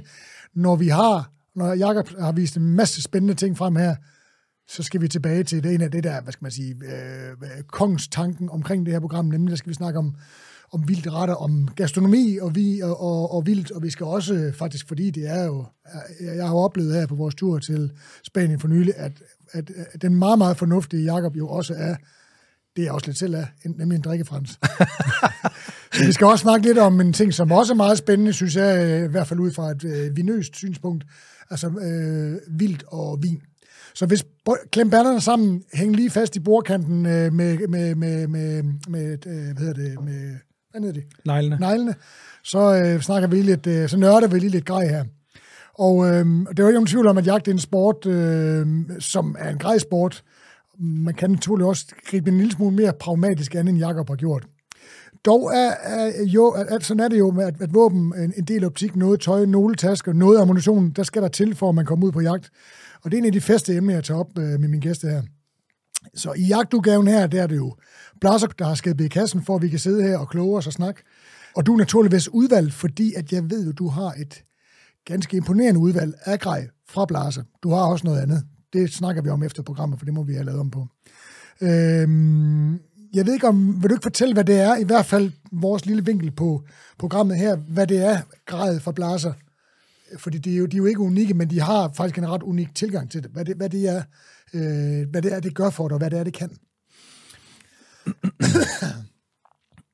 jo, altså jeg tror, jeg vil sige, mit, mit forhold til Blaser, øh, det er, at øh, jeg har brugt dem i mange år, fordi at jeg synes, at de, øh, altså de er, hvad hedder det, versatile, altså de kan bruges til Altid. mange forskellige ting. Øh, de har et særligt system, hvor vi kan tage løbende af og skifte kaliber. Øhm, det er den ene ting.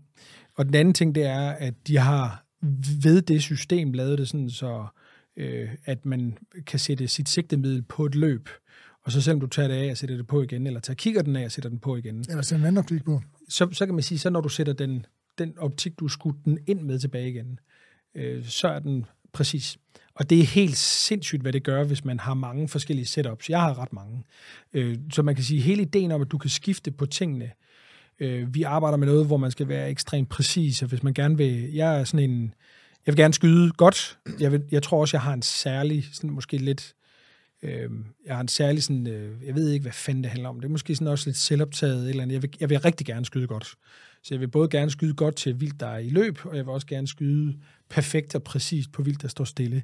Og hvis jeg ikke gør det, altså hvis der sker et eller andet, som der jo en gang imellem gør, hvor jeg ikke rammer det, der hvor jeg gerne vil, så går jeg fuldstændig piller jeg tingene fra hinanden, og så skal vi lave et nyt setup, og så skal alt skydes ind igen. Jeg kan virkelig ikke lide, hvis der er noget, der misser i det spørgsmål der. Jeg kender det godt, og nu- og jeg er jo, jeg er jo ny, så, så, så, så det, det, grunden til, at vi sidder og snakker her, det er, at jeg vil ikke kun sidde og prise øh, Blaser Group og deres produkter, det er nemt, fordi det er super fede ting, men jeg vil gerne lære, hvad det er, det kan, for jeg har også på det der, hvor man trykker af, og så tænker man, hvad fanden, og så kigger i kikkersigtet, så står der to stykker rådyr, så siger det bang, man repeterer, kigger i, i optikken en gang til, og der står sgu to stykker råvild fuldstændig samme sted, og man kan se øh, to sæt ører og tænker, hvad fanden er det, der sker?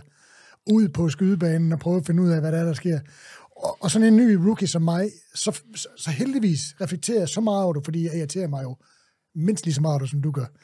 Øhm, det er jo, og så, så går man jo tilbage og tænker, har jeg husket at klikke rigtigt, og alt- det kan være, at vi kan komme ind på det. Men prøv ligesom at gå- gå tilbage og finde ud af, øh, hvor det er, det er gået galt. Har, har jeg glemt at, at, at tage højde for afstanden? Øh, Der er i hvert fald en eller anden form for fejl 40, ikke? Altså, hvis vi skal gå tilbage til det. De rifler, jeg skød med, da jeg var barn på Grønland, de var, jo ikke, de var jo ikke særlig præcise. Øh, De var, jo, de var jo ikke, de kunne slet ikke det samme, som de her blaserrifler kende med, hvor man kan skifte rundt på lortet. Overhovedet ikke. Så skød du nogle gange fra en båd til et, øh, til et mål, der var i bølger. Altså, okay. altså man kan sige, det er jo fuldstændig den matematiske formel for øh, risikoen for, at du skyder ved siden af, den er helt vild. Ikke? det, så det, det er jo intuition, så eller? Ja, det er der. Altså, jeg har mødt nogle folk, som kan skyde, som er dygtige til at skyde, som skyder på en måde, hvor at du kan ikke forklare det rent på bare, at de har øvet sig i at skyde præcision. Der er også et element af, af, af intuition over det. Altså, jeg, kender en skytte i England, øh, som er gammel SAS, øh, øh, finskytte og sådan noget, ikke? Øh, jeg har set ham skyde, min kammerat, som kender ham rigtig godt og har en jagt over, har set ham skyde, og skyde på en måde, hvor han siger, nu gør jeg det her, nu skyder jeg til det her. Nu skyder hoved, hovedet af den her due, der står ude på 350 meter. Og så sætter han sig ned i skrædderstilling og gør det. Men almindelig, øh, eller skyder til en løbende rev på 300 meter.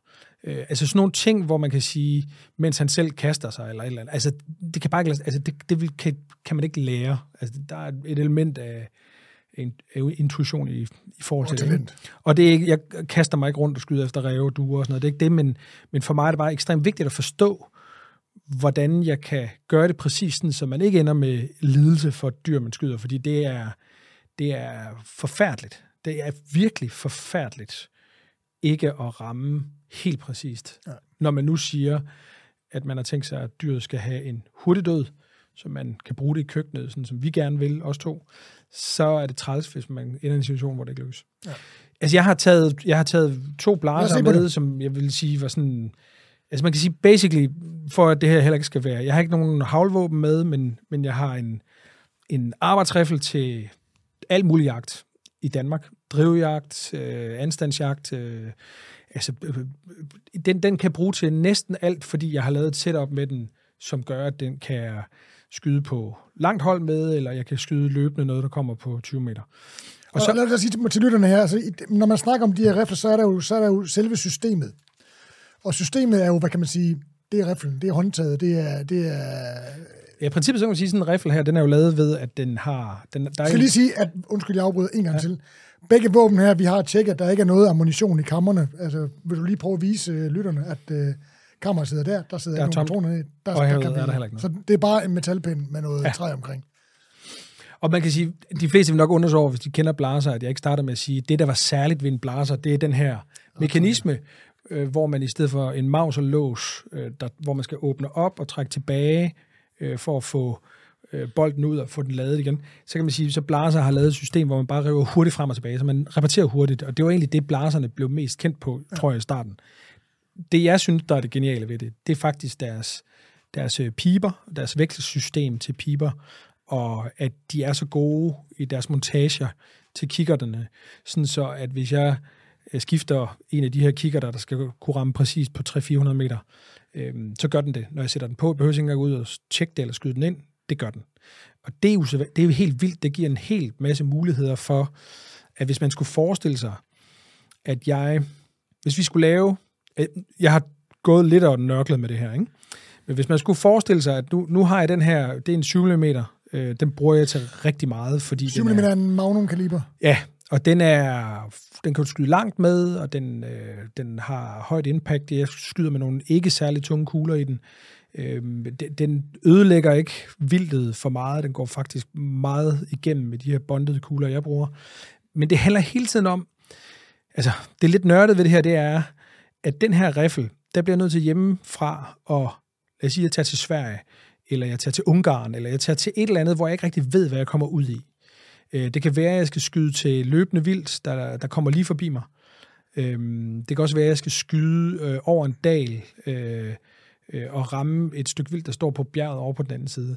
Altså, det jeg skulle kunne begge dele, øhm, det kan du ikke nødvendigvis... Altså, det kan godt være svært at kunne med den samme optik og den samme kaliber. Så for at forstå det rigtigt, det vil sige, at du på den samme, lad os bare sige, en, en, en, en tryk eller en drivjagt i udlandet, hvor der er mange arter, dyr for eksempel, ja. Øh, så kan du faktisk, mens du står der, skifte. Du vil ikke begynde at skifte pipen, men du vil kunne have tre forskellige typer. En, en, en, øh, en, en rødpunktskikkert øh, optik, som er den derovre. Du vil have en, en drivkikkert, som du ikke... Er jo. det en drivkikkert, den her? Så jeg har, jeg har altså, hvis jeg lige skal sige det, så kan man sige, at det er altid kompromiser. Når man skal lave det her, så er det altid kompromiser. Du, du, du kan ikke et våben, der kan det hele. Det her, det er mit bedste setup. Ja. Det skal måske lige siges, at, øh, at så har jeg jo en 22-52 til at skyde råvildt med, som jeg kan sætte på den her.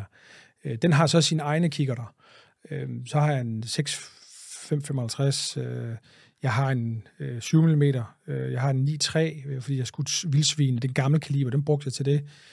Jeg har en 375, fordi jeg skulle på bjørnejagt. Så jeg har mange forskellige kaliber med mange forskellige tilhørende kikkerter, og jeg behøver ikke hele tiden at tjekke ind, hvad det er, fordi de er alle sammen skudt ind og har deres rolle i forhold til det løb, de passer til. Men det her setup vil jeg for eksempel tage med ud og rejse på en jagt, hvor jeg ikke vidste, hvad jeg kom ud i. Fordi at jeg med den her aimpoint kan skyde ret præcist op på en 150 meter, og jeg kan måske lige sige, Blaser laver også en dejlig øh, rødpunkt. Den tager vi en anden dag. Den tager du bare en anden dag. Men hvad hedder det? Yes, men, men til, til øh, vildt, hvor det går rigtig stærkt, hvor der er noget, der bevæger sig lynhurtigt, og hvor du skal svinge, og du næsten gør det samme, som du gør, når du skyder med en havlbøsse, skyder med åbne øjne og sådan noget. Der kan en, et sådan rødpunktsigte, noget helt sindssygt. Den er parallaksefri, det vil sige, du rammer der, hvor pletten er. Det gør man jo ikke. Hvis jeg vinkler mit hoved en lille smule på en af de andre kigger der, og jeg skyder noget på 300 meter, så er det ikke sikkert, så ændrer kuglen retning i forhold til det, jeg ser.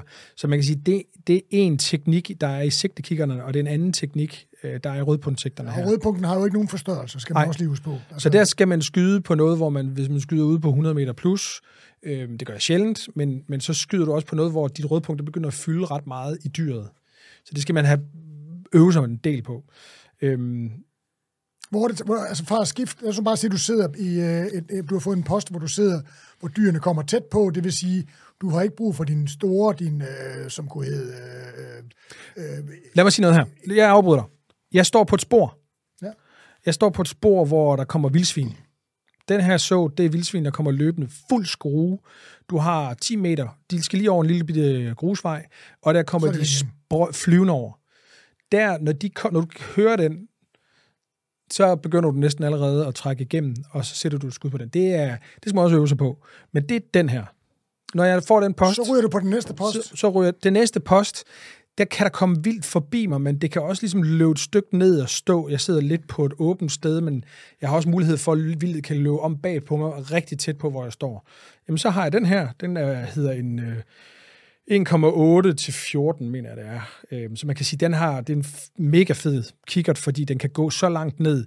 Du, ikke, du kan sådan set godt skyde med åbne øjne på den her også. Øhm, men fordi du er så langt nede, at din forstørrelse, det, den er jo den er ikke en til en, men den er, den er, den er en lille smule forstørrelse i den, ikke?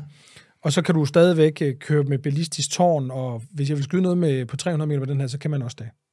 Øh, så, så fordi, at jeg havde fordi jeg havde et setup, jeg gerne ville bruge med, med lyddæmper for at skyde noget præcist på lang afstand. Lad os sige, at du skulle skyde et, en gemse, som står på et bjerg langt ude. Jamen, så, så havde jeg den, så havde lavet et setup til det, som er sådan en rigtig, øh, altså 6-24 gange forstørrelse. 6. Øh, ja. Så den kan du ikke skyde noget med, som er sådan, øh, kommer løbende tæt på. Det er i hvert fald lidt halvsvært, ikke? Fordi ja. når du så kigger ind i, så kører det helt rundt. Ikke? Men til gengæld så har du så lyddæmperen til den, som gør, at, at, at når, der, når, der, når der skal sædes og rekylet, at det betyder noget, hvor meget riften slår i skulderen, hvis du skal skyde noget meget præcist på lang afstand. For igen at finde, ja. For at se, hvor, hvad hvad det, om du er ramt, hvor du gerne vil. Så, så, er det, så er det den her. Og det her, det er jo noget, jeg kan have i en task. Ja. Øhm, så man kan sige, hvis jeg har det her setup med ud, med min 20 mm, så er der ikke noget europæisk vildt, som jeg ikke kan skyde uanset hvilken afstand der er på, kan man sige. Lige før, ikke? Så er det min egne, øh, hvad kan man sige, jordforbindelsen for mig, der sætter begrænsningerne. Setup'et her kan godt følge med, ikke? Ja. Og, og, og det tager 15 sekunder at skifte, ikke? Så når du, når du, hvis du skal skifte, komme ud på en ny post og siger, okay, der er lidt længere afstand, så kan du skifte din, din rødpunktsigte over til en drivjagt, øh, eller drivjagtskikkert på 15 sekunder. Ja. Det er smart. Og så kører vi. Og det kan man så sige, så går vi så over... Det er fordi, det er også fordi, der er øh, blaser sadelmontagen på, du måske lige kunne ja. vise. Ja, så er der nogle forskellige sadelmontager. Jeg, har, jeg, jeg skal jo bruge nogle stykker af dem her, som man kan sige. Men de er... Øh, der findes forskellige skinnemontager og... Altså, men, men, men altid med de her montager, der er 100% sikre, sådan så at der ikke er noget... Øh, så, altså, du vil ikke, du vil skulle stole på det her, sådan at du ved, det leverer. Og så kan man sige, så det her, det er sådan en arbejdsrifle, den kan det hele. Øhm, og så har jeg... Jeg skal lige sige, det er en R93, en, en udgået model. En ældre model. Ja. Og den har jeg øh, bare været glad for. Og det, det, det er bare en rifle, som betyder meget for den. Jeg har den i plastik, og jeg har den i den her. Og så har jeg den med... Altså, så, så man kan bruge to forskellige bundstykker med. Så det her det er en Magnum bundstykke, og det her det er så til øh, mindre kaliber. Så man kan sige, hvis jeg så skulle sætte min 375'er på, den har jeg så et rødpunkt til, hvis man skal skyde en bjørn eller et eller andet, som man skal gå ind og hente som anskudt, for eksempel. Ikke? Hvis man er rejst til Alaska eller et eller andet, så er det meget rart at have setupet med sig. Så den vil jeg typisk have en kikkert til, en almindelig sigtekikkert og en rødpunkt, hvis jeg skal skyde øh, råvild. Altså en af de jagter, jeg synes, der er allervildest i Danmark overhovedet, som jeg desværre ikke kommer på mere, men som jeg har været på nogle år, det er sådan en to-dages øh, reguleringsjagt på råvild, hvor du skyder lam og rå, og det er meget af det, vi bruger på restauranten. Det skyder vi der. Ja. Og det skal, gå, det skal være ekstremt effektivt. Du må ikke skyde forkert, du må ikke skyde nogle bukke, og du skal skyde tingene rigtigt. Og der kommer de jo både blæsende, og de kommer på alle hold langt ude, øh, tæt på. Det, det er tit noget, jeg vil vælge at tage min 22-52'er med. Den vil jeg igen have setups ligesom det her med, hvor jeg kan både skyde langt, præcist, et dyr, der står stille på 350 meter, eller en rå, der kommer springende øh, forbi mig. Så man kan sige, at alle de kaliber, jeg kører til det her, dem har jeg et setup til. Øh, piberne der, skifter du dem på R93, ligesom på en R8, som vi ikke har med i den, så håber at vi kommer i yes, hernede. to skruer. To skruer, drej, drej, drej, drej, drej. nøgle, det tager. Af med den her, på med den nye, drej, drej, drej, drej, drej, spænde. Når den så er sat på, så skyder det, så kan man sige, så er det kikkerten og pipen, der bestemmer, hvor kuglen den sidder. Resten af det her vekselsystem, det er bare det, der trykker på knappen og sætter patronen i bevægelse. Fantastisk. Så man kan sige, det er sådan en... Øh... Og der findes, der findes jo, altså det er der også andre mærker, der har, men jeg mener, det er ret unikt for Blaser, at, at det fungerer på den her måde. Jo, de er i hvert fald dem, der, altså, er dem, der er blevet mest populære på at lave det, er blevet ekstremt brugt. Øh, der er andre, der også forsøger at lave det, men man kan sige, alt vil jo være en kopi herfra. Ikke? Men ja. øh, der er også nogen, der er, der er gode til at lave det. Det ja. må jeg også sige. Altså, der, der kommer noget, der hedder Gunworks fra USA. De, er, det lyder også som om, at det er noget, der kan et eller andet. Ikke? Ja, de siger, det må vi ikke snakke om i dag. Det bliver lige klippet ud. der findes andet. Ja. Lad os lige se den anden der, for det er jo sådan en... Øh, det, det er, også en, jeg går, går og drømmer lidt om.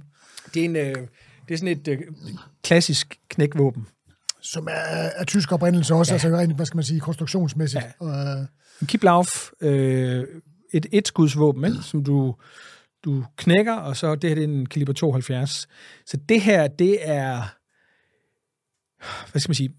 Den her det var sådan et, øh, den anden riffel er ligesom et, et, et all-round setup, som man kan bruge til alt muligt. Ja.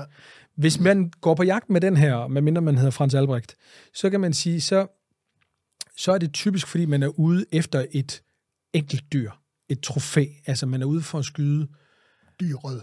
Dyret øh, går efter den råbuk, man gerne vil lede efter, går efter den kronhjort, man gerne vil lede efter, kravler rundt i bjergene, hvor man gerne vil have et lettere våben med for at skyde en stor gemse eller en ibex.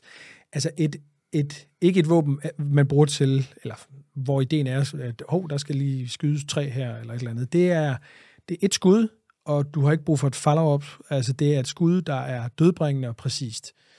Og, og det er sådan et, det er sådan et, jeg synes jo, det er sådan et særligt våben. Der er sådan lidt gentleman-våben over det gammeldags. Øh, det, er, det er sådan kvalitets... Øh, arbejde. Det er sådan, der er noget sådan tysk-østrisk historie over de ja. her øh, særlige våben, som man gør rigtig meget ud af, og det er sådan... Øh, jeg, jeg, så, jeg, sige, jeg har jo voldsomt meget lyst til at pille, men, men det siger loven, det må jeg jo faktisk ikke. Jeg nej. må ikke håndtere en anden mands rifle, desværre. Altså, og du altså- får ikke bedre tilladelse til den her lige... Øh, nej, lige andre, andre folks øh, rifler og andre folks koner, dem skal man pille snitterne ja. fra. Men det er, øh, det vil sige, det, det klør lidt i fingrene på dem, fordi jeg synes, den er så elegant. Ja, en 4-12 øh, gang 50, det er, det, det, det er en, igen et, et våben, hvor man kan skyde langt. Øh, du har ikke nødvendigvis behov for at skyde noget, der kommer i bevægelse med sådan en her. Øh, det vil i hvert fald være sjældent, man gør det, ikke? Men, øh, men det er sådan en, det er et pyrsch, et pyrschvåben. Ja. Altså det er noget, du går med. Øh, det er derfor, den er slank og, og sådan enkel og feminin også. Den giver lidt mere rap i skulderen, fordi den er så let. Øh, men det er sådan en, hvis jeg er på bukkejagt, og nu siger jeg hvis, når jeg er på bukkejagt, eller hvis jeg skal skyde en kronhjort, eller hvis jeg skal skyde en gemse. Altså, så vil jeg altid vælge, hvis det er et trofæ, altså hvis det er sådan noget, en særlig jagt, du går flere dage, og, og, og, når, du, og når du skal levere det der ene skud, øh, så skal det bare være præcist, og ingen kødskade og sådan noget, så er det altid den her, jeg vil tage med. Jeg elsker den. Ja, det kan jeg godt forstå. Jeg sover ikke med den, men det er tæt på. Ja, den er godt nok fin. Uh, maybe someday. Jamen, øh, det var vores lille øh, nørdesektion her. Er der noget, du vil tilføje, eller skal vi springe lidt elegant over i gastronomien? Jeg synes, vi skal til gastronomien. Det lyder godt. Det er jo også det er jo blandt andet derfor, vi er. og tak for det. Jeg, jeg blev lidt klogere. Det er jeg rigtig glad for. Øh, men vi skal jo lige over, inden vi kan begynde at tage gryder og potter og pander frem, så skal vi lige få, hvad er din... Hvad, du har næsten sagt det mellem linjerne, at det tror jeg i hvert fald lytterne, ligesom jeg, er rigtig meget med på, men lad os nu høre, det kan jo være, at vi tager fejl. Hvad, hvad er din yndlingsvildart, og, og hvorfor er det det? Jamen, det ved vi begge to godt. Det er gåsen, vi snakker om, ikke? Men du kunne jo reelt godt pyrse en, øh, en, en, en gås med sådan en, en kiplauf. Øh, ja da. Måske en anden kaliber en 72, men øh, ja, tænker jeg. Ja, jeg det, plejer, altså, vi har meget gæs i Sverige, hvor jeg har hus.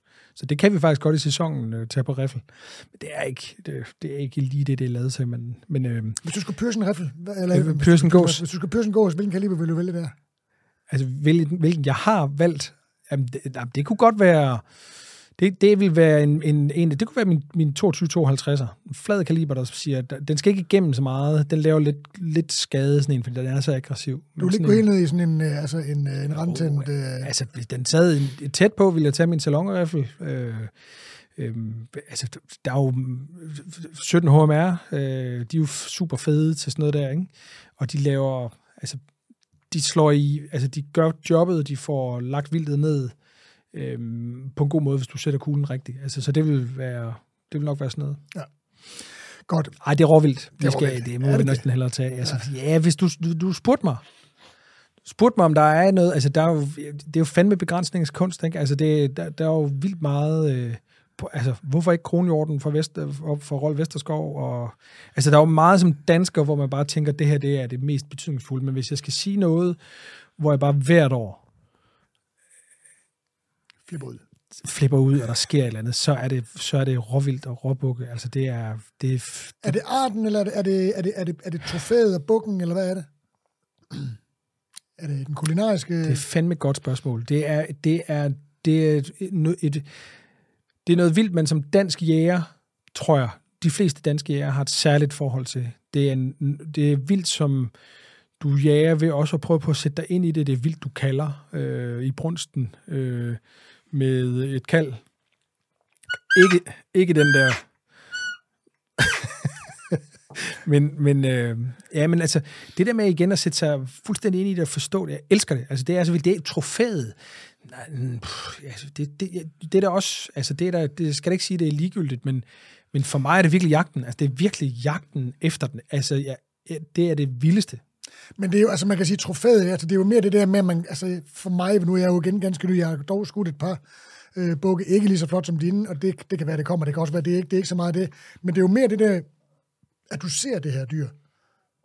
Og, Jamen. det, og, det, og det, er ikke, det er ikke et dyr, det, det er den der, du går Ja. ja. efter. Og du bruger jo rask væk, altså nogle gange, lang tid på at, at, at, at, at få det nedlagt. Og de der kloge bukke, der er sådan lidt fedtet med sig selv, men, du, men roen kommer frem, men han gør ikke lige, og sådan noget, og er sådan lidt...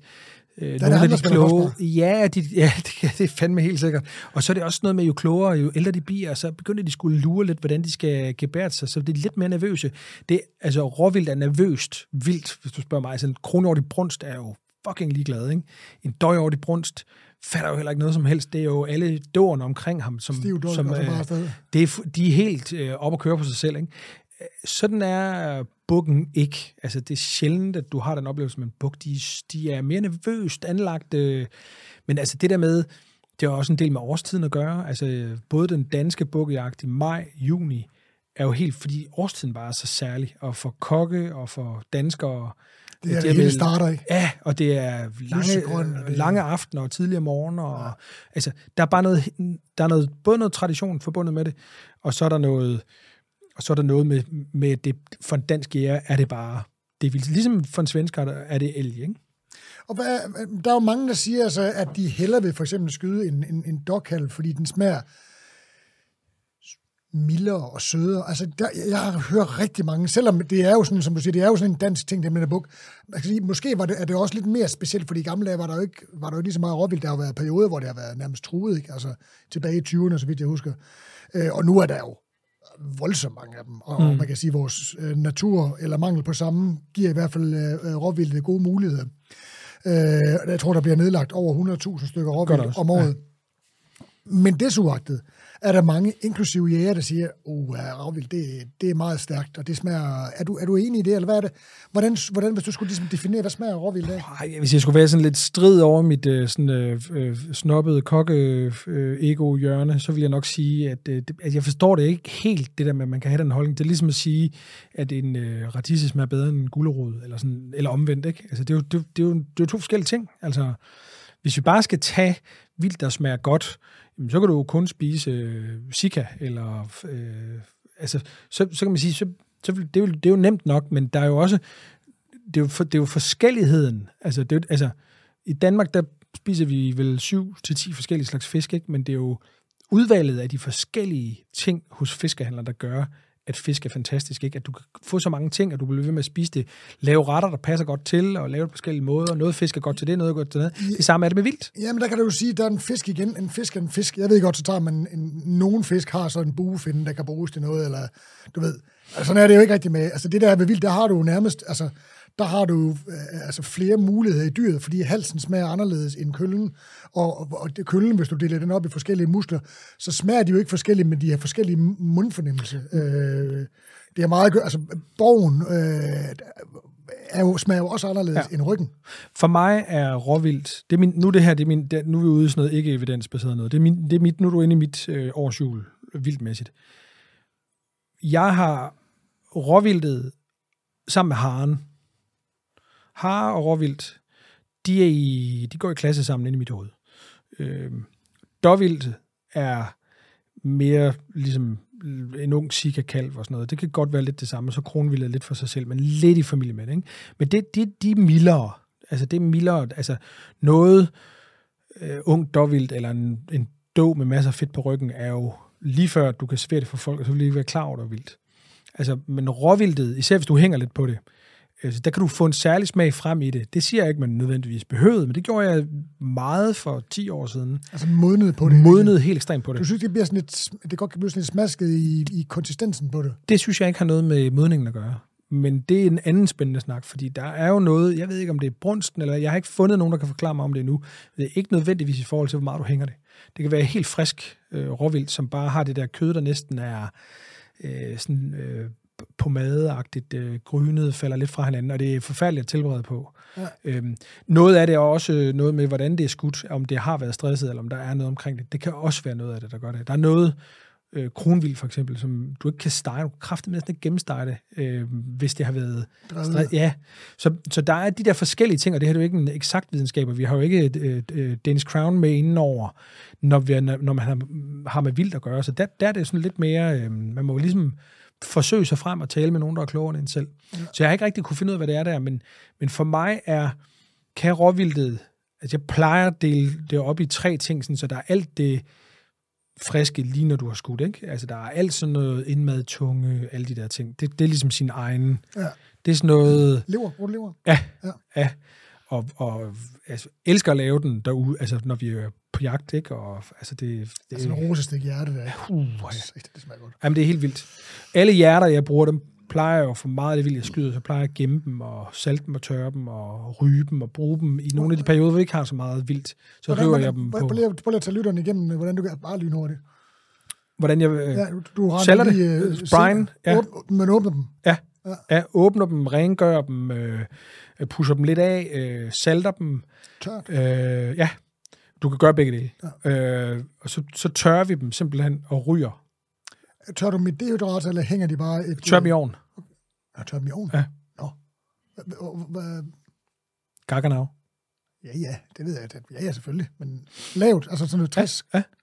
Og så laver så du ikke, bare... ikke dehydrat og sådan noget? Nej. Det var da alligevel hvor lang skal de have? Det kan du så også give dem på et tidspunkt. Du ja. kan godt køre dem, køre dem færdige, hvis de, ikke, hvis de ikke klarer sig i den, så kan du blikke dem over dehydrateren bag. Og hvor, lang, hvor langt? Det kan, det kan jeg simpelthen ikke forestille mig. Det tager nogle dage, altså så, så har du gjort det.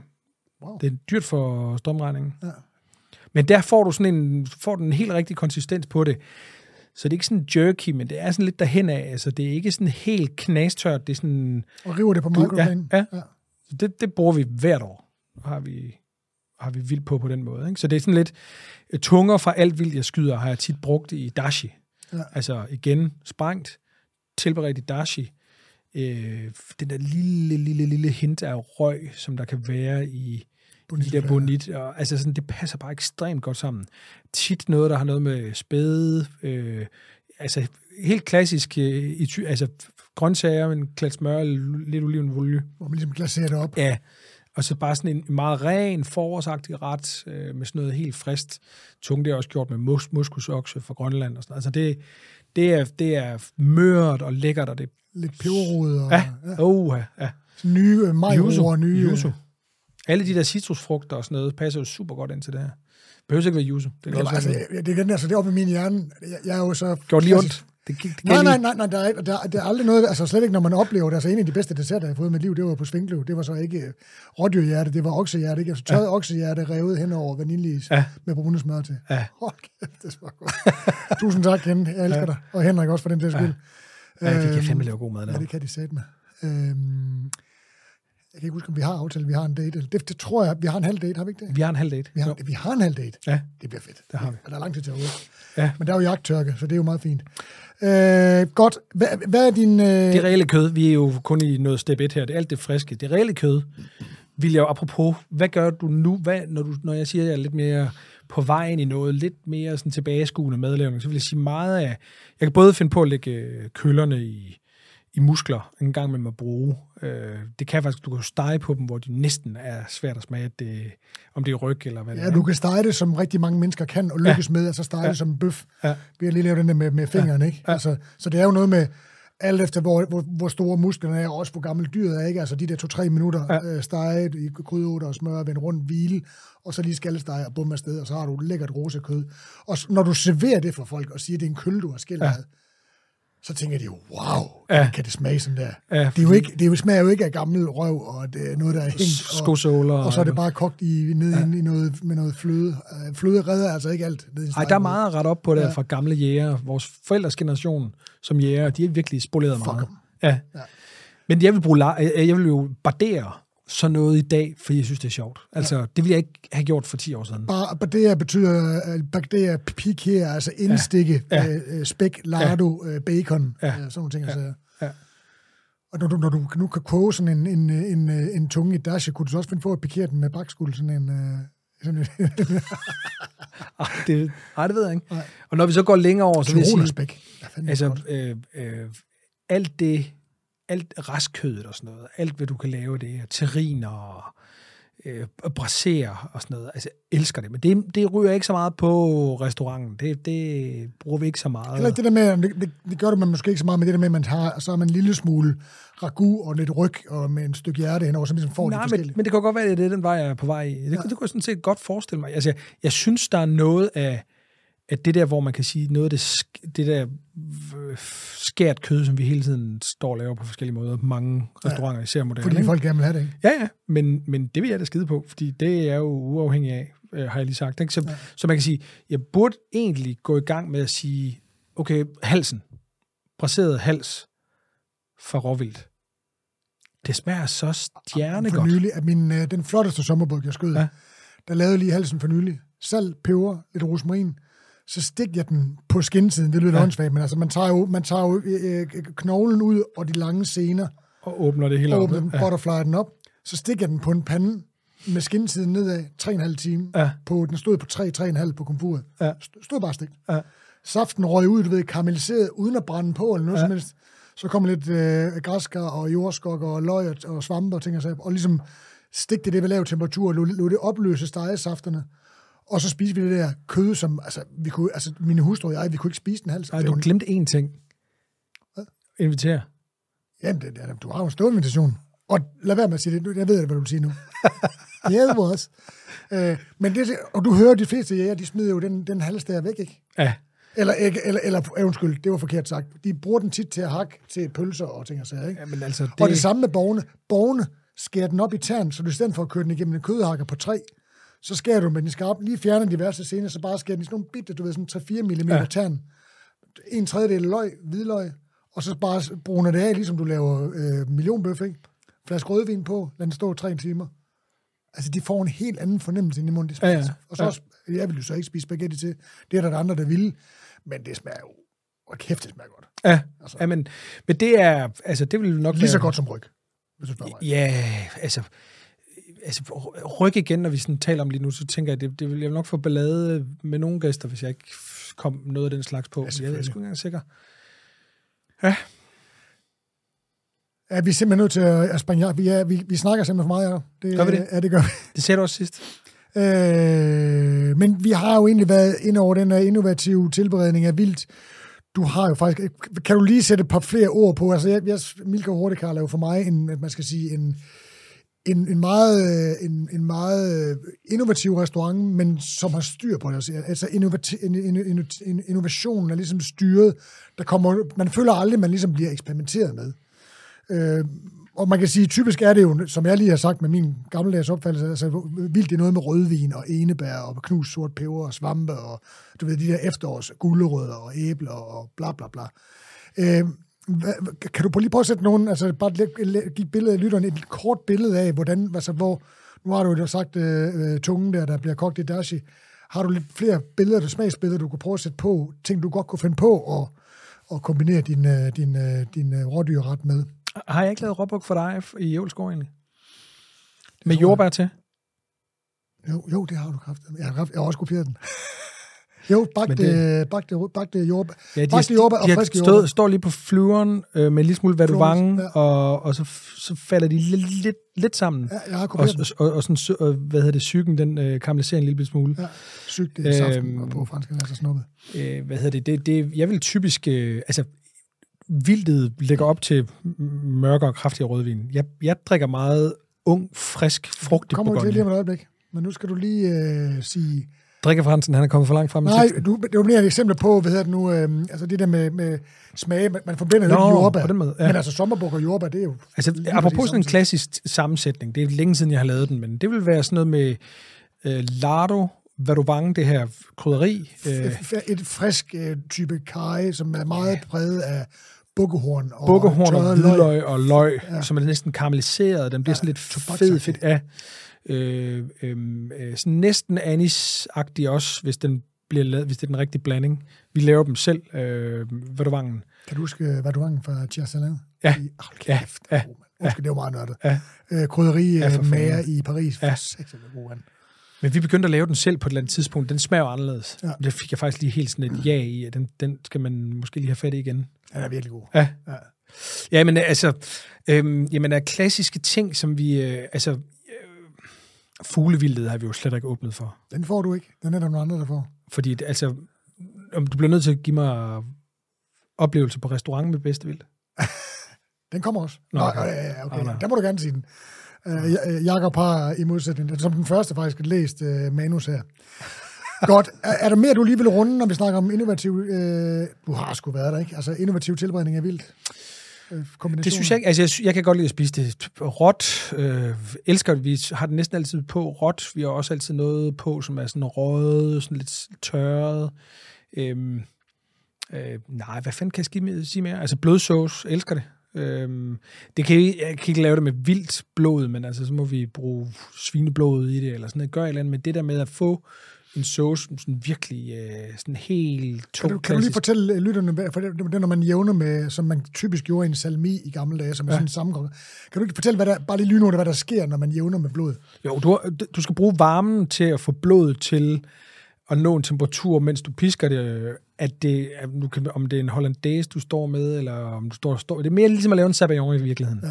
Når du står og pisker den, så skal du finde det rigtige tidspunkt, hvor hvis den får for meget, så koagulerer blodet fuldstændig. Bliver den klumpet og Og, så den, og, og man kan sige, farven ændrer sig også i det her, fordi blodet starter med at være rødt, og på et tidspunkt så går det ligesom over og bliver sådan en smuk, øh, gl, glinsende brun, ja. hvis du laver det hele. Og så, og så tykner den øh, Og så bliver den hvid og klumpet, og så skal man ikke Ja, den. nej. Så, så man kan sige, det handler om at ramme den øh, sauce, hvor, hvor du har altså, legeret, øh, øh, fået den til at ligesom få den rigtige konsistens, smag og farve, ved ligesom at piske blod i.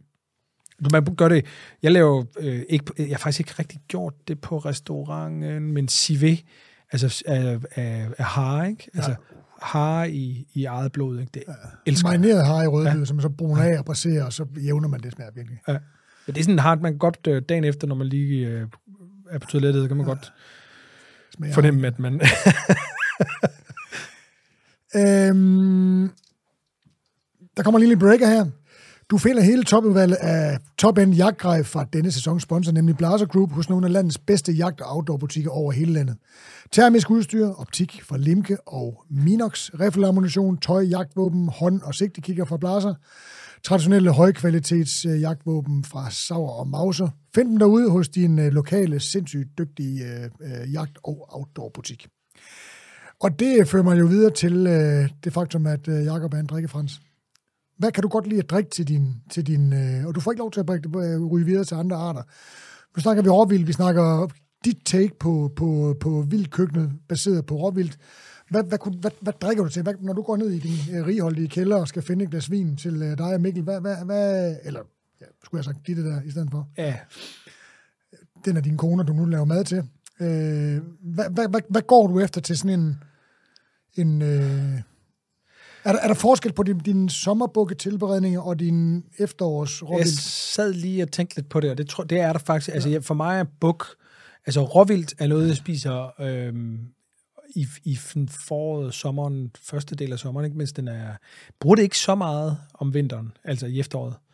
Øhm, det, men, men der, vil jeg type, der er der så meget andet. Altså, der, det, er lidt, øh, det, det blev ramt af, at alt vildt lige pludselig er tilgængeligt i de der måneder.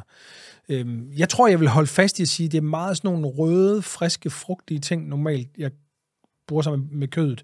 Så selvom kødet er lidt mere sådan, øh, smager lidt mere, så vil det typisk blive sådan noget frugtig, frisk, ung, ung bourgogne, øh, jeg ryger på. Lækkert.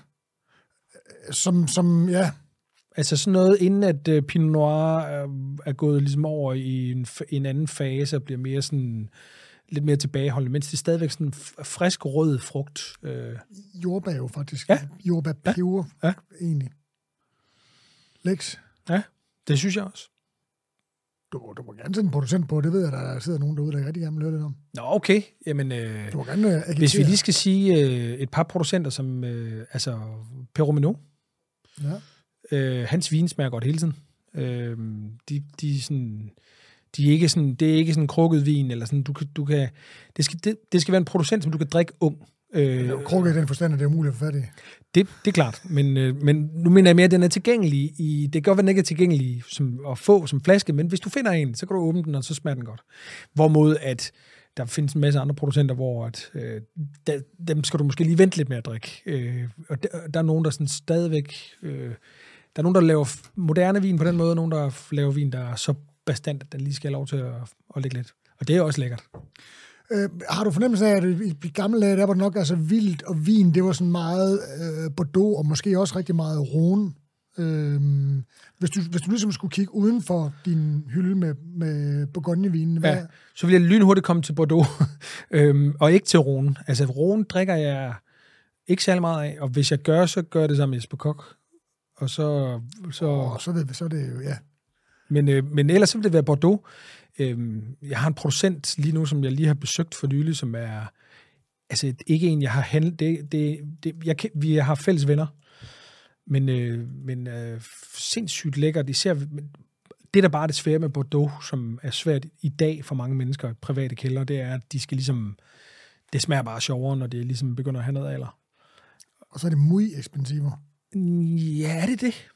Nej, det er det. Det synes jeg hvis faktisk man ikke, det bevæger uden for de aller, aller største ja. slotte, så er det faktisk... Altså, jeg Ja. elsker Bordeaux. Jeg, Ja. jeg er fuldstændig syg med det. Altså, ja, det må vi have snakket om en anden gang. Ja. Men, men, men ikke Rune udover med, med Jesper. Jeg kan fandme også godt lide Rune. Altså, også, øh, elskede det. Da jeg boede i Paris, så drak vi jo Bocastel. Altså, vi, vi drak Bocastel øh, det var lige først morgen, middag og aften. Det er så den om, dag om ugen, vi havde fri. Øh, på det tidspunkt, der var der en lille vinbar, der boede, var lige nede, hvor jeg boede. Du, du, Bocastel kostede ingen penge. nej. Og i dag, altså, så, altså, i dag er det jo pisse svært at få fat i, og dyrt og alt muligt. Men det var jo sådan noget bordvin. Altså, vi drak det jo som... Så, Det, ja, Chateau Lannert øh, kunne vi også øh, få fat i dengang. Det var det synes jeg var dage, altså. Uh, Du vild med at servere øh, vildt på din restaurant. Det tror jeg, vi har fået slået fast. Men, men hvis du skulle nævne... Jeg er forpligtet til det. Ja. Jeg er også vild med det, Ja. men jeg har også forpligtet mig selv til det. Der skal hele tiden være vildt på restauranten. Så det er ikke kun et spørgsmål om, at jeg synes, det er sjovt. Det er også et spørgsmål om, at jeg synes, det er min forpligtelse som jæger, og som en, der går meget på jagt, og som en, der ved forhåbentlig noget om mad, at få folk til ligesom at få øjnene op for det her. Men, men, men det er jo også, det er jo også derigennem, du er formidler, ligesom sørger for, der er ting, der hænger sammen. Det er ikke bare tryk, og så siger man, jeg skrider lige hjem, Ja. og, og siger, øh, Det er meget nemmere at sætte alt muligt andet på. Ja. Vi går igennem alt muligt fis og ballade for det her. Ja. En gang imellem skal jeg også på jagt for det. Ja, det er skrækkeligt. men du ser ud, som om, at du klarer den. øh, vildt oplevelse på restauranter. Kan du, kan du nævne en, øh, den, den største øh, vildt oplevelse, du har haft på en restaurant, som ikke var din egen restaurant? Ja, altså først og fremmest, så ved jeg jo, at du kender, øh, kvæg dine store indsigter, og også din fremskredende alder, der kender du jo en kok, som vi talte om for nylig, som jeg ville ønske, jeg havde noget at spise hos. Benoit. Ja, Benoit Volier. Manden, der har lavet opslagsværk Gødt om vildt. Altså, jeg har ikke set nogen, der har lavet en federe kogebog. Jeg har lige set, og jeg har faktisk lige siddet og kigget lidt efter en dag. Hvis du ser den Ja, antikvariske eller andet, så må Ja. du meget gerne til. Der er lavet to. Den ene den er, den er så tyk her, ikke? og det er fugl. Ja. Ja. Øh, af plume, som det hedder på fransk. Fuglevildtet. Og så er vi jo et sted i Europa, hvor man altså spiser fuglevild på en anden måde, end vi gør her, fordi det er jo fandme viber og alp og rødkælker og hele beduljen, ja. ikke? Der er de lidt mere vilde i Centraleuropa, end vi er heroppe. Ja. Ikke? Øhm, men det er vel jeg elskede at spise på hans restaurant. Han er to liter sig selv, gør han ikke det? Jo, desværre. Ja. Jeg, jeg spiste øh, et middag, hvor det, det, var ikke, det var ham, der var køkkenchef. Det var ikke ham, der var ejer af restauranten, men øh, han var køkkenchef der. Ja. Ja. Kan du huske det? Ja, ja, vi fik ikke vildt. Vi var der om sen forår, tror Okay. jeg. Vi var der. der var, jo, det, nej, det var, det var, nej, det var, det var tidlig forår, for der var stadigvæk masser af sne. Og, Okay. Ja, det var, det var, et, det var i Crissier, det var sindssygt måltid. Altså Okay. fuld, uh, Rochat hed han. Ja. Philippe Rochat. Hold kæft, det var godt. Altså, der, og der var han køkkenchef. Ja. Giovanni var øh, øh, souschef. Nå, det, er, det blev meget internt, det her. Og fuglevildt, altså for mig er det, er det fugl, fuglevildet, det er der, hvor det hele det står af. Altså for mig, det, det, det er så... Puh, altså Magnus Nielsen har på et tidspunkt lavet noget øh, op på Fævigen, Ja. hvor at, øh, jeg, jeg tror også, jeg fik presset ham lidt til, at han ligesom skulle give ekstra, altså lidt på begagtigt, sådan til, hvad, hvad, hvad kan du med fuglevildt på at forføre mig? Ja. Som Bo ville have sagt. altså, prøv at slippe dig selv fri, lav noget andet i menuen, prøv at komme og... Ja.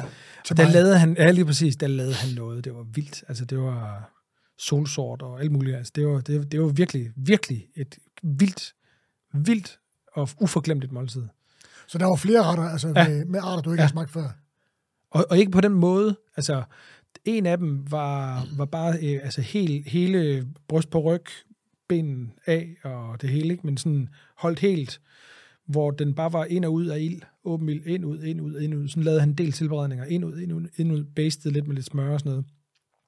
Så lå den ligesom i en lille fuglerede næsten, øh, med, var der en lille klat af det der helt højgule smør, som han købte af en eller anden lokal øh, bundmand. Øh, Og det var helt det, oppe var, i det var så enkelt. år. Der Ja, lige ved siden af over, ja. Øh, Jerven, Jerpen, tror jeg, det hed. Jerpen, ja. Ja. Det var, det var virkelig, han havde en periode, hvor han lavede noget, der var ret fantastisk. Stor råvareforståelse, stor øh, teknisk, sådan tilberedningsmæssig forståelse. Meget sådan råvaremand, rigtig... Men også meget simpelt. Ja, jeg vil kalde det enkelt. Ja.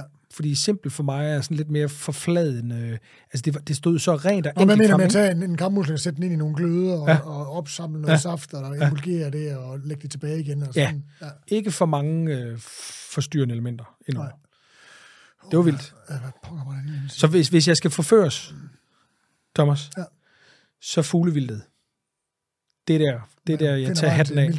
Det er, ja, det, er- altså, det er der, jeg selv synes, det er sværest også. Altså, det andet med de firebenede, det skulle til at tage at føle på, ikke? men altså fuglevildet, især de små fugle, hvordan laver man det? Hvordan laver du en ret? Hvordan laver du, hvordan laver, hvordan, om det er klassisk, eller om det ikke er, hvordan sørger du for at give dit take på det på en måde, hvor folk de bare, Jamen også fordi det er så sart, at du kan ikke, altså du ved, en kraftig reduceret sauce med lidt, øh, øh, hvad hedder det, øh, øh, gastrik i starten Ja, og ja. krydderier, og en rosastegt øh, dyreryg, ikke? Altså alle folk falder på Ja, ja. Øh, Men det der med at fuglen, fordi de er så, de er så subtile, altså man skal, man skal fifle lidt mere, man skal være lidt mere nænsom med dem, ikke? for Ja. at de ligesom får lov til at skinne igennem den der.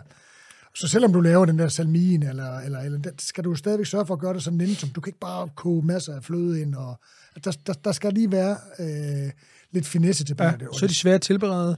De er svære, hvad man skal gøre med skinnet. Hvordan, hvordan får du, skal du, det, de skal serveres med skin. Hvordan får du det til at smage godt? Øh, hvordan, det tager som helst skin af. Altså, ja, men, men, men det, man kan jo gøre begge dele, ikke? Men ja. det, det, det, er, det, er bare, det er bare, jeg synes, det er en disciplin, hvor man kan skille øh, foran for bukkene. Jeg har lidt selskaber næste uge, hvor de skal have borch på Ja. krigan. Okay. Det smager sæt Ja, godt. Ja, det, var, den, den, det var jo, den vandt jo årets forret i, Ja. helt tilbage, inden du var Ja. født nærmest. det smager fandme godt. Det var dengang, jeg søgte ind hos dig, var det ikke det? Og blev afvist. Men det var for tyk. Hvad er, det, hvad, er det, hvad, er det, hvad, er det, hvad er det værste, du har oplevet på en restaurant? Hvad er den værste øh, skæbne, et stykke vildt af fået på en restaurant, hvor du skulle var tvunget til at spise? Øh, Øj. har du haft nogle af dem? Eller er du forskånet for den slags? Ah, det har jeg vel. Det har jeg simpelthen på en eller anden måde, tror jeg, glemt. Åh, oh, jeg skal være meget... Jeg skal kende køkkenchefen, hvis jeg skal spise vildt, vil jeg næsten sige. Altså, det er, det er ikke noget sådan rigtig øh, kaste med. Altså, en krigan kan mange ødelægge. Altså, Ja, men krigan, for satan. Det smager godt. men, det, men det er jo bare svært også. Igen, krigan er også svær. Altså, det er også en, en and, man kan ødelægge meget nemt. Så, så er det altså et hårdt stykke kød at komme hjem. En gås. Ja. Æder med mig også noget, man skal have en skarp kniv med til, hvis folk ikke kan finde af Jeg det. glæder mig til at, at få prøvet at få nedlagt en gås. Jeg, jeg har ikke arbejdet ret meget med vildgås. Det glæder Nej. jeg mig faktisk lidt til. Det er, Og der kunne jeg faktisk godt tænke mig lige at høre også lige at vende, fordi der er jo, altså, der er jo mange af de her fuglearter, som man må skyde, men, og nogen må man regulere. Det vil sige, når, der, når, når en vildart bliver reguleret, så, må man ikke, så, er den, så er den ikke kommercielt øh, tilgængelig. Det vil sige, at selvom man skyder en masse rå unger, øh, som jo øh, kommunerne beder folk om at, at nedlægge, så må man ikke sælge den til restauranten. Nej. Og det er jo ærgerligt, fordi må du, må du godt nedlægge en og servere den på din restaurant? Ikke det må du- regulering. Det må du ikke. Nej. Men jeg, må, men, men jeg må godt... jo. Ja. Jeg har overvejet nogle gange, at man må sige... Kender du, kan du huske det der med på en restaurant, at man, øh, man kommer ligesom ind og køber menuen, ikke? Kong Hans, jeg vil gerne have tre retter, og så kommer du pludselig ned med, med snacks, ikke? Dem har vi jo egentlig ikke bestilt. Kunne man lave noget, hvor at appetizeren ligesom ikke var en kommersiel ting, men bare ligesom sådan Gave en fra restauranten. gave for restauranten. Ville den gå? Det ville den nok ikke. Ellers så kunne man sige, rå unger, jeg går og kigger sulten op på dem lige bag køkkenet inde i haveselskabets have. Der har jeg jo... Jeg har tilbudt Slots- Kulturstyrelsen, hvis de vil have nogen til at regulere, så kan de bare sige til. Men øh, Jeg kan godt den der. Det smager virkelig godt. ja, Det smager, det er helt det smager fantastisk. bedre end skovduer, så Ja. det virkelig smager. Altså, Ja, det er helt vildt. Nå, vi springer den der negative over. Øhm, synes du, restauranterne har din forpligtelse, har vi været inde på den, øh, har din forpligtelse til at sørge for at have, have, have vildt på kortet? Jeg synes, jeg synes, det er lidt svært at sige. Øhm, jeg, jeg synes ikke, jeg skal sidde og sige, hvad folk de skal. Jeg tror, at vi er på vej ind i en ære, hvor at, at restauranterne i højere og højere grad bliver nødt til at, at, at stå på mål for en eller anden forklaring om, hvorfor Hvor de overhovedet er der, og hvad er det, der er helt særligt ved dem. Altså nu taler vi om det, altså de bedre restauranter, det øvre niveau, eller hvad fanden man vil kalde det. Ikke? Altså et eller andet, om det er, at man har en særlig historie med sin råvarer, eller hvad det er. Jeg tror, at der er nogle... hvor Vores branche har været igennem sådan lidt tumult de sidste par år, og, og, og, og du, altså alt muligt med MeToo og hårde arbejdstider, alt muligt halløj. Jeg tror, at jeg tror, man i fremtiden bliver, vil blive afkrævet meget mere en eller anden idé om en forpligtelse til, hvorfor man er der, hvorfor man laver det, man laver, som ikke bare er for at give folk mulighed for at komme ud og spise på en kniv. Det tror jeg. Og man ikke bare kan hive noget lort op af en fryser, Ja. og så Så jeg vil, ikke, jeg vil ikke sidde og sige, at der er nogen af, at, at, de, at man skal det ene og det andet. Jeg kan sige sådan en fyr som øhm, Tabu, Michael Miv deroppe i, i Nordjylland. Han er ikke jæger, så vidt jeg ved. Men han kan æde og hylde med os lave vildt. Ja, man er bare god til noget mad. Ja, det er han. Det var, det var, det var virkelig... Han fisker, tror jeg. Men altså, det synes jeg er jo sejt. Jeg synes, det er sejt, at selvom man behøver jo ikke gå på jagt for at lave vildt som kok, burde man på en eller anden måde være interesseret i det, vil jeg tænke. Ja. Men altså, jeg skal ikke... Øh... Og vildt er mere end... Og jeg, jeg mener ikke tamvildt. Altså, jeg synes, der er stor forskel på, om det er rigtig vildt eller tamvildt. Altså, jeg synes ikke, det er sådan... Øh... Altså, jeg synes, det skal være vildt, der, der er, har levet vildt, og ikke er en del af en stor flok, eller sådan eller taget et hegn. Det, det bryder man om. Nej. Det kan jeg godt forstå. Ja. Skønt. Øhm, din, din gæster på Milka Hurtig, Karl, hvordan, hvordan øh, oplever du nogen, der siger, at ah, det er for voldsomt, det skal vi ikke have, det, det, eller kommer med forudtaget mening om, hvordan vildt smager, når de sætter sig ned på Milka Hurtig? Altså, det er jo lidt sådan, at når man spiser på Milke og Hurtigkarl, så får man faktisk ikke rigtig lov til at tage stilling til særlig meget. Og det kan jo både være øh, en øh, forbandelse, og det kan også være fantastisk.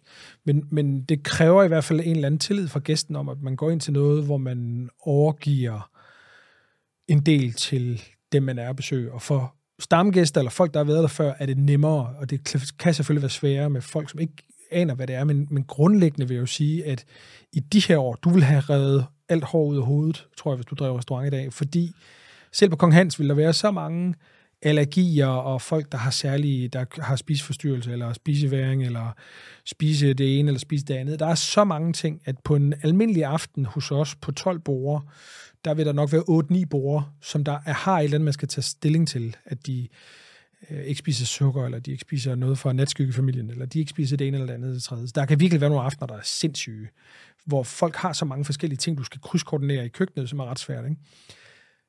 Vildt er sjovt nok aldrig noget, der kommer op. Så folk spiser ikke kød, eller fisk, eller skalddyr, eller det ene eller det andet tredje. Men der er aldrig nogen, der siger noget så vildt. Så derfor så får de det jo.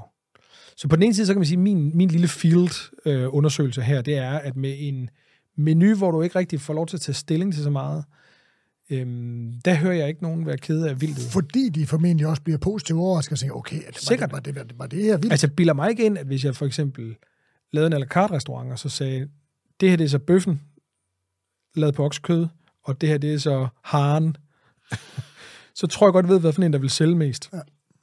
Men når det nu er inde i menuen på den måde, den er, så oplever jeg kun... Og når man griber det andet, sådan som du gør?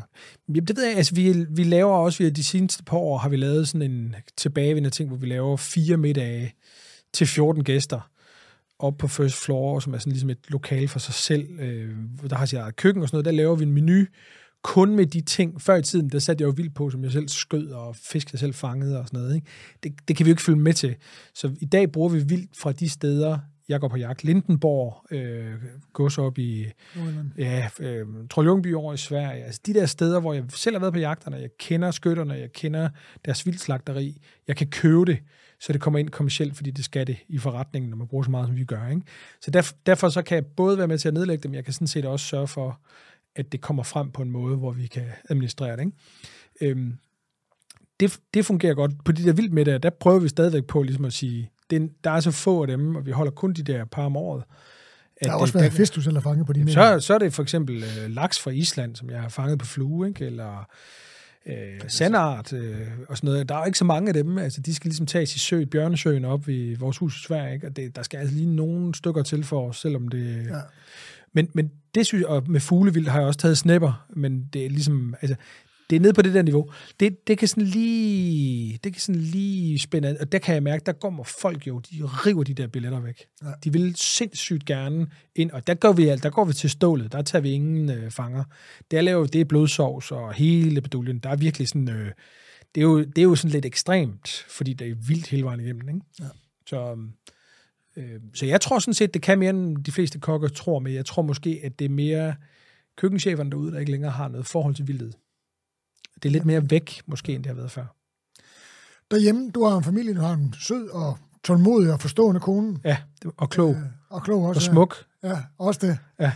Øh, og du har to søde børn. Ja, tak. Hvordan øh, bruger du vildt hjemme hos dem? Altså, bruger du vildt i hverdagen derhjemme? Ja, jeg bruger ikke helt lige så meget, som jeg gerne ville, og det handler lidt om, at øh, det er sådan ligesom, øh, der er i hvert fald lidt oprør fra især en af mine børn omkring øh, min madlavning. Så det er sådan lige... Vi spiser for eksempel burger hver fredag, er der typisk burger. Der har jeg altså ligesom prøvet ligesom at få kørt... Kan vi lige starte med at få den der bøffen ind der og sådan noget. Det, det skal jeg gøre uden at sige det til dem og sådan noget. Ja. Så kan jeg godt nogle gange snyde dem lidt, ikke? Og el bolognese og sådan noget, det kan de også godt øh, snydes til, ikke? Men det er ikke noget, jeg sådan har fået familien sådan helt op at køre over nu. Så når jeg prøver, Øhm, så nogle ting, der går de lidt mere til den, og andre ting, not so much. Så jeg har lidt svært ved dem, faktisk. Nå, men der er jo også, altså, der er jo også perioder i børns liv, hvor de ligesom, de, det er jo også en, en løsrivelse, ja. ting og sager, ligesom at sige for og imod. Og, ja, ja. Men jeg kan da se, at min datter, det, hun, øh, når jeg har for meget, og det sker jo en gang imellem, så giver jeg hende jo vildt med hjem. Og for Linda havde hun faktisk fået sådan et par borg der, ikke? Øh, et par rådyr, ja, det var dårdyrborg, dårdyr, ja. øh, dårkalve Dokkalveborg, ja. øh, hun fik med hjem og skrev til mig, hej far, jeg skal lave mad til min øh, svigerfar og mor og min øh, kæreste i aften. Hvordan var det, du lavede den der, som jeg lige fortalte om, ja. den der øh, ragu, hvor du ja. står og skærer det, ikke?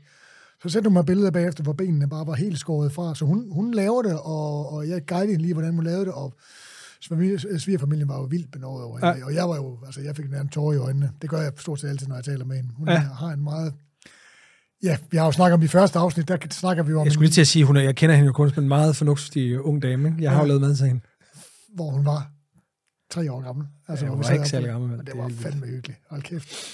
Ja. Nå, der fik vi frølov og øh, krebsehale, og det var skønt duehjerter, og hun snakker stadig om det. Øh, vi er ved at være der, men øh, skal du lige have den sidste, dit drømmejagtscenarie? Har du, har du noget tilbage på din bucketlist? Jeg ved, du har sat rigtig mange krydser.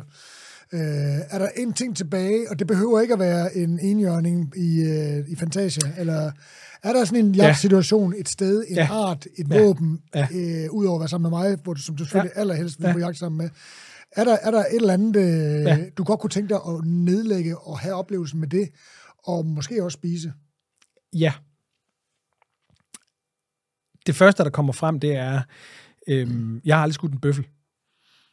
Øhm, jeg vil sige lige nu, der vil jeg tænke, at øh, noget, jeg vil synes var helt sindssygt at gå og glæde mig til og se frem til og også at opleve, det vil være øh, at skyde en, en bøffel i bjergene i Tanzania med Natasha, Natasha Ilumberg, den danske, Den svenske, om ikke? dansk-svensk, Eller, tanzaniansk, ja, og så lidt svensk Ja. og lidt dansk. ja, som er, er, er PH og professionel jæger i Tanzania, har været det i ufattelig mange år, og som er, hvis man skal sige det helt kort, et ekstremt spændende menneske. Jeg har læst hendes bøger og har fælles bekendte med hende og sådan noget, og hun har bare en virkelig en, altså, holdning til jagt, holdning til øh, natur, til vildt, øh, er, er sådan et, et øh, alt det modsatte af sådan en stor, bordende, dum, øh, overvægtig, øh, af, af belgisk øh, PH i Sydaf- Sydafrika, som bare vil skyde for bilen og sådan noget. Ikke? Altså, altså hun, er sådan, hun har virkelig æstetikken og det etiske sådan helt fremme på det, hun foretager sig.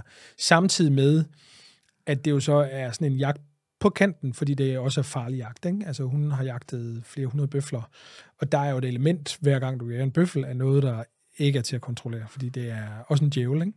Så det er både, tror jeg, som ikke har prøvet det, en smuk og spændende, berigende oplevelse, og det er også med, med sådan, hvad kan man sige, balancen på en knivsæk undervejs. Så det, det vil jeg sige, det er nok den, den helt store, det, det gad jeg godt. Og så Jeg var her- meget tæt på det for et par år siden, der spurgte hun mig faktisk, om jeg ville komme ned og jage en bøffel i forbindelse med, at der skulle laves et tv-program med hende. Og så var mine tv-forpligtelser i Danmark ikke øh, kompatible med det tv, som hun var så, det kunne jeg blev nødt til ligesom at sige, det, det kan jeg desværre ikke. Det ville jeg utrolig gerne. Øh. Den er nok, den er nok Nu forbi. kender jeg så ham, der har skudt en bøffel med hende her for et par måneder siden, som var nok den jagt. Altså en fuldstændig vanvittig gammel bøffel, der sådan ligesom har knækket det ene horn, og kun har det andet tilbage. Kæmpe, stor, flot, gammel øh, bøffel, ikke? Wow. Hvad vil du lave af den? Det ved jeg slet ikke. Er det- Jo, ved du hvad? Ved du, hvad jeg vil lave? Og ved, jeg- det har jeg nemlig hørt, hun lave, eller de laver hver gang. De laver selvfølgelig halen. Nå, ikke? Halen? Shit. Ja, så oksehale. øh, Ja, Ej, det lyder helt sindssygt. ja lige præcis. Den der kan jeg godt. ja, ja. Men, men og, og der kan man måske sige, det, er jo, det, er jo, det virker jo underligt, så kommer der sådan en middelalder, det, du, det kan jeg jo heldigvis sige, med, Findes og jeg kan sidde og grine af det, at øh, du er også ved at blive middelalderne. Øh, øh, hvid fyr, der kommer til Afrika og skyder dyr, men sådan et dyr, du kommer jo ned for at få oplevelser, du, og det, lad mig bare sige, det er ikke gratis. Det betaler man mange penge for. Øh, jeg ved selvfølgelig ikke, hvad du har aftaler, men det, kunne jeg få, det er det som regel. Det er dyrt. Tanzania er det nok det dyreste sted, ja, du kan gøre. Og, og du gør det selvfølgelig for oplevelsen, og trofæet formoder jeg også. Men, men når du har fået dit trofæ, og, og, og, og hun har fået hendes penge, og hendes folk har fået hendes penge, typisk, som jeg forstår det, så får landsbyen jo i området får ofte kødet, ikke? I hvert fald, det, ja, altså nu skal jeg lige sige, øh, nu har jeg jo ikke, nu spurgte du mig om et, et, sådan et drømmescenarie, så sådan økonomien i det og sådan noget, det, det forholdt jeg mig ikke lige til. Nej, det, det er også fint. Øh, men, men man kan sige, jeg ved jeg i hvert fald, at når det er igennem... Åh, du, oh, de hende- hører med, det er det. Undskyld, det, det, den koster, øh, som jeg har lært med alt med jagt, også alt det optik, der ligger på bordet her, det er jo 1.500 kroner stykket. Lige præcis. Ja, det koster en bøffel også. Altså, der er et, etikken, som sagt, er der 100% styr på i de der setups. Man kan altid med jagt vælge noget, hvor man kommer ud med nogen, hvor det koster det halve og sådan noget, men der er det heller ikke sikkert, at tingene de er sådan lavet ordentligt. Men jeg ved, at når det er igennem øh, dem, Natasha arbejder med, og hele det setup der, så, så kan du ikke sætte en finger på noget. Så øh, den... Øh, måske Så for eksempel en elefant, hvis nogen skyder en elefant, det har jeg ikke nogen stor drøm om, men, men hvis nogen skyder en elefant, så ideen om, hvad det kan gøre i et lokalmiljø i forhold til, at de får øh, kødet og elefanten, når den er skudt, er helt sindssyg i forhold til, hvad deres udsigt ellers er i forhold til ja. Mange, mange steder. Ikke? ikke alle steder, men mange steder. Ikke? Så der er mange vinkler på jagt, men og der er selvfølgelig nogen, man kan sige er negative, men der er også rigtig, rigtig mange positive. Ja, og det er med alt andet, at man kan sige, øh, og det kan jeg måske også lige sige til dig, at øh, det er også noget, jeg selv bruger tid på, at i den her jagtverden, som du er på vej ind i, og som jeg er- er inde i, og på vej igennem også og sådan noget, så vil der hele tiden være spørgsmål, hvor jeg synes, at man sådan etisk skal prøve at stille tingene op på, hvad er det, jeg, hvad, hvad synes jeg er i orden? Hvad vil jeg være med til? En ting er de muligheder, man bliver tilbudt, og de øh, øh, konstellationer socialt også, man kan indgå. Og der vil jeg sige, der er jeg skulle, øh, der vil sige, der er, der er nok rimelig nu kaldte du mig snobbet før, den, den kan vi godt bruge der igen. Altså, der er virkelig meget, jeg ikke har lyst til at være med til, fordi jeg synes, det er vigtigt på hele hvad kan man sige, jagtens vegne og sådan noget, ikke? at man, altså, man skal lave tingene ordentligt, og man skal ikke, man skal ikke, du kan tage, altså nu siger vi det med bøffel, du kan tage til Sydafrika og skyde en bøffel for en tiendel af, hvad den koster i Tanzania. Det kunne jeg aldrig finde på. Øh, i, i et hegn dernede, det, det, det vil jeg ikke give. Altså, det, det, det, øh, jeg vil heller ikke give at gå ind og skyde den ind i zoologisk have. Altså, det, det, det kan de jo, den kan de komme kom af dage på andre måder. Jeg vil, jeg vil jage, den, en, jage en vild bøffel, der har levet et vildt liv, og som dør sådan her. Det vil være det, jeg vil gøre. Og de ting prøver jeg også sådan generelt hele tiden at have for øje, når man er i jagtsituationer, når man er sammen med andre især. Hvad, hvor er det mine grænser for, hvad jeg vil, øh, går? Det tror jeg er en meget sund og god ting altid at have for øje, når man er både med et skydevåben og sammen med andre mennesker og skal på jagt. Tusind tak. Jeg håber, at de lytter, der sidder derude, har lært lige så meget som jeg har. Jeg har jo øh, valgt at lave den her podcast. Jeg har mærke til det, den her podcast. Fordi jeg er ny i det. Jeg er, en, jeg er jo ny, en grøn ny Jeg vil rigtig gerne lære, og jeg lærer hver eneste dag. Øhm, og det synes jeg faktisk har været også et, et nyt take på det, det der med ligesom, når man startet i lære, ikke? Altså, hold kæft, hvor man bare var begærlig, man vil bare gerne lære det hele, og det er jo ikke kun at anrette den fine ret på tallerkenen, ligesom man kunne overføre til jagt med at tage skuddet. Det er jo alt håndværket, der ligger rundt omkring. Møde de mennesker, der ved noget om det. Øh, få den indsigt, og det kan man jo kun ved at være ydmyg og, og forholde sig til det, og, og så sørge for at holde sig i hælen på folk, der er dygtige. Og det synes jeg, at jeg har fået rigtig meget ud af at gøre i dag. Så jeg er rigtig, rigtig glad for, at du endnu en gang gad at stille op til det her hobbyjournalistiske projekt. Øh, så tusind tak, fordi du gad at komme i studiet. Det var fornøjelse. Og så er det vel også på sin plads at sende kærlige tanker i retning af Sydtyske Blaser, som er samarbejdspartner på denne episode af Kok og Kok Jæger Special. Uden dem har jeg ikke haft en stor glæde at have en god snak om jagten, og i naturligvis forlængelse heraf, naturligvis øh, bordets glæder. For husk, at det man skyder, det spiser man naturligvis. Har du fået blod på tanden og kunne godt tænke dig at få dit drømmevåben i hånden, eller måske se eller prøve noget fra Blasers beklædningslinje, jamen så er det da bare at suge ud til udvalgte jagtbutikker over hele landet, eller gå ind og tjekke grad på www.blaser.de, eller hvis du er mest til den engelske version, så sætter lige et backslash og skriv UK. Så står, kommer den på engelsk. Tusind tak for den her gang. Moin.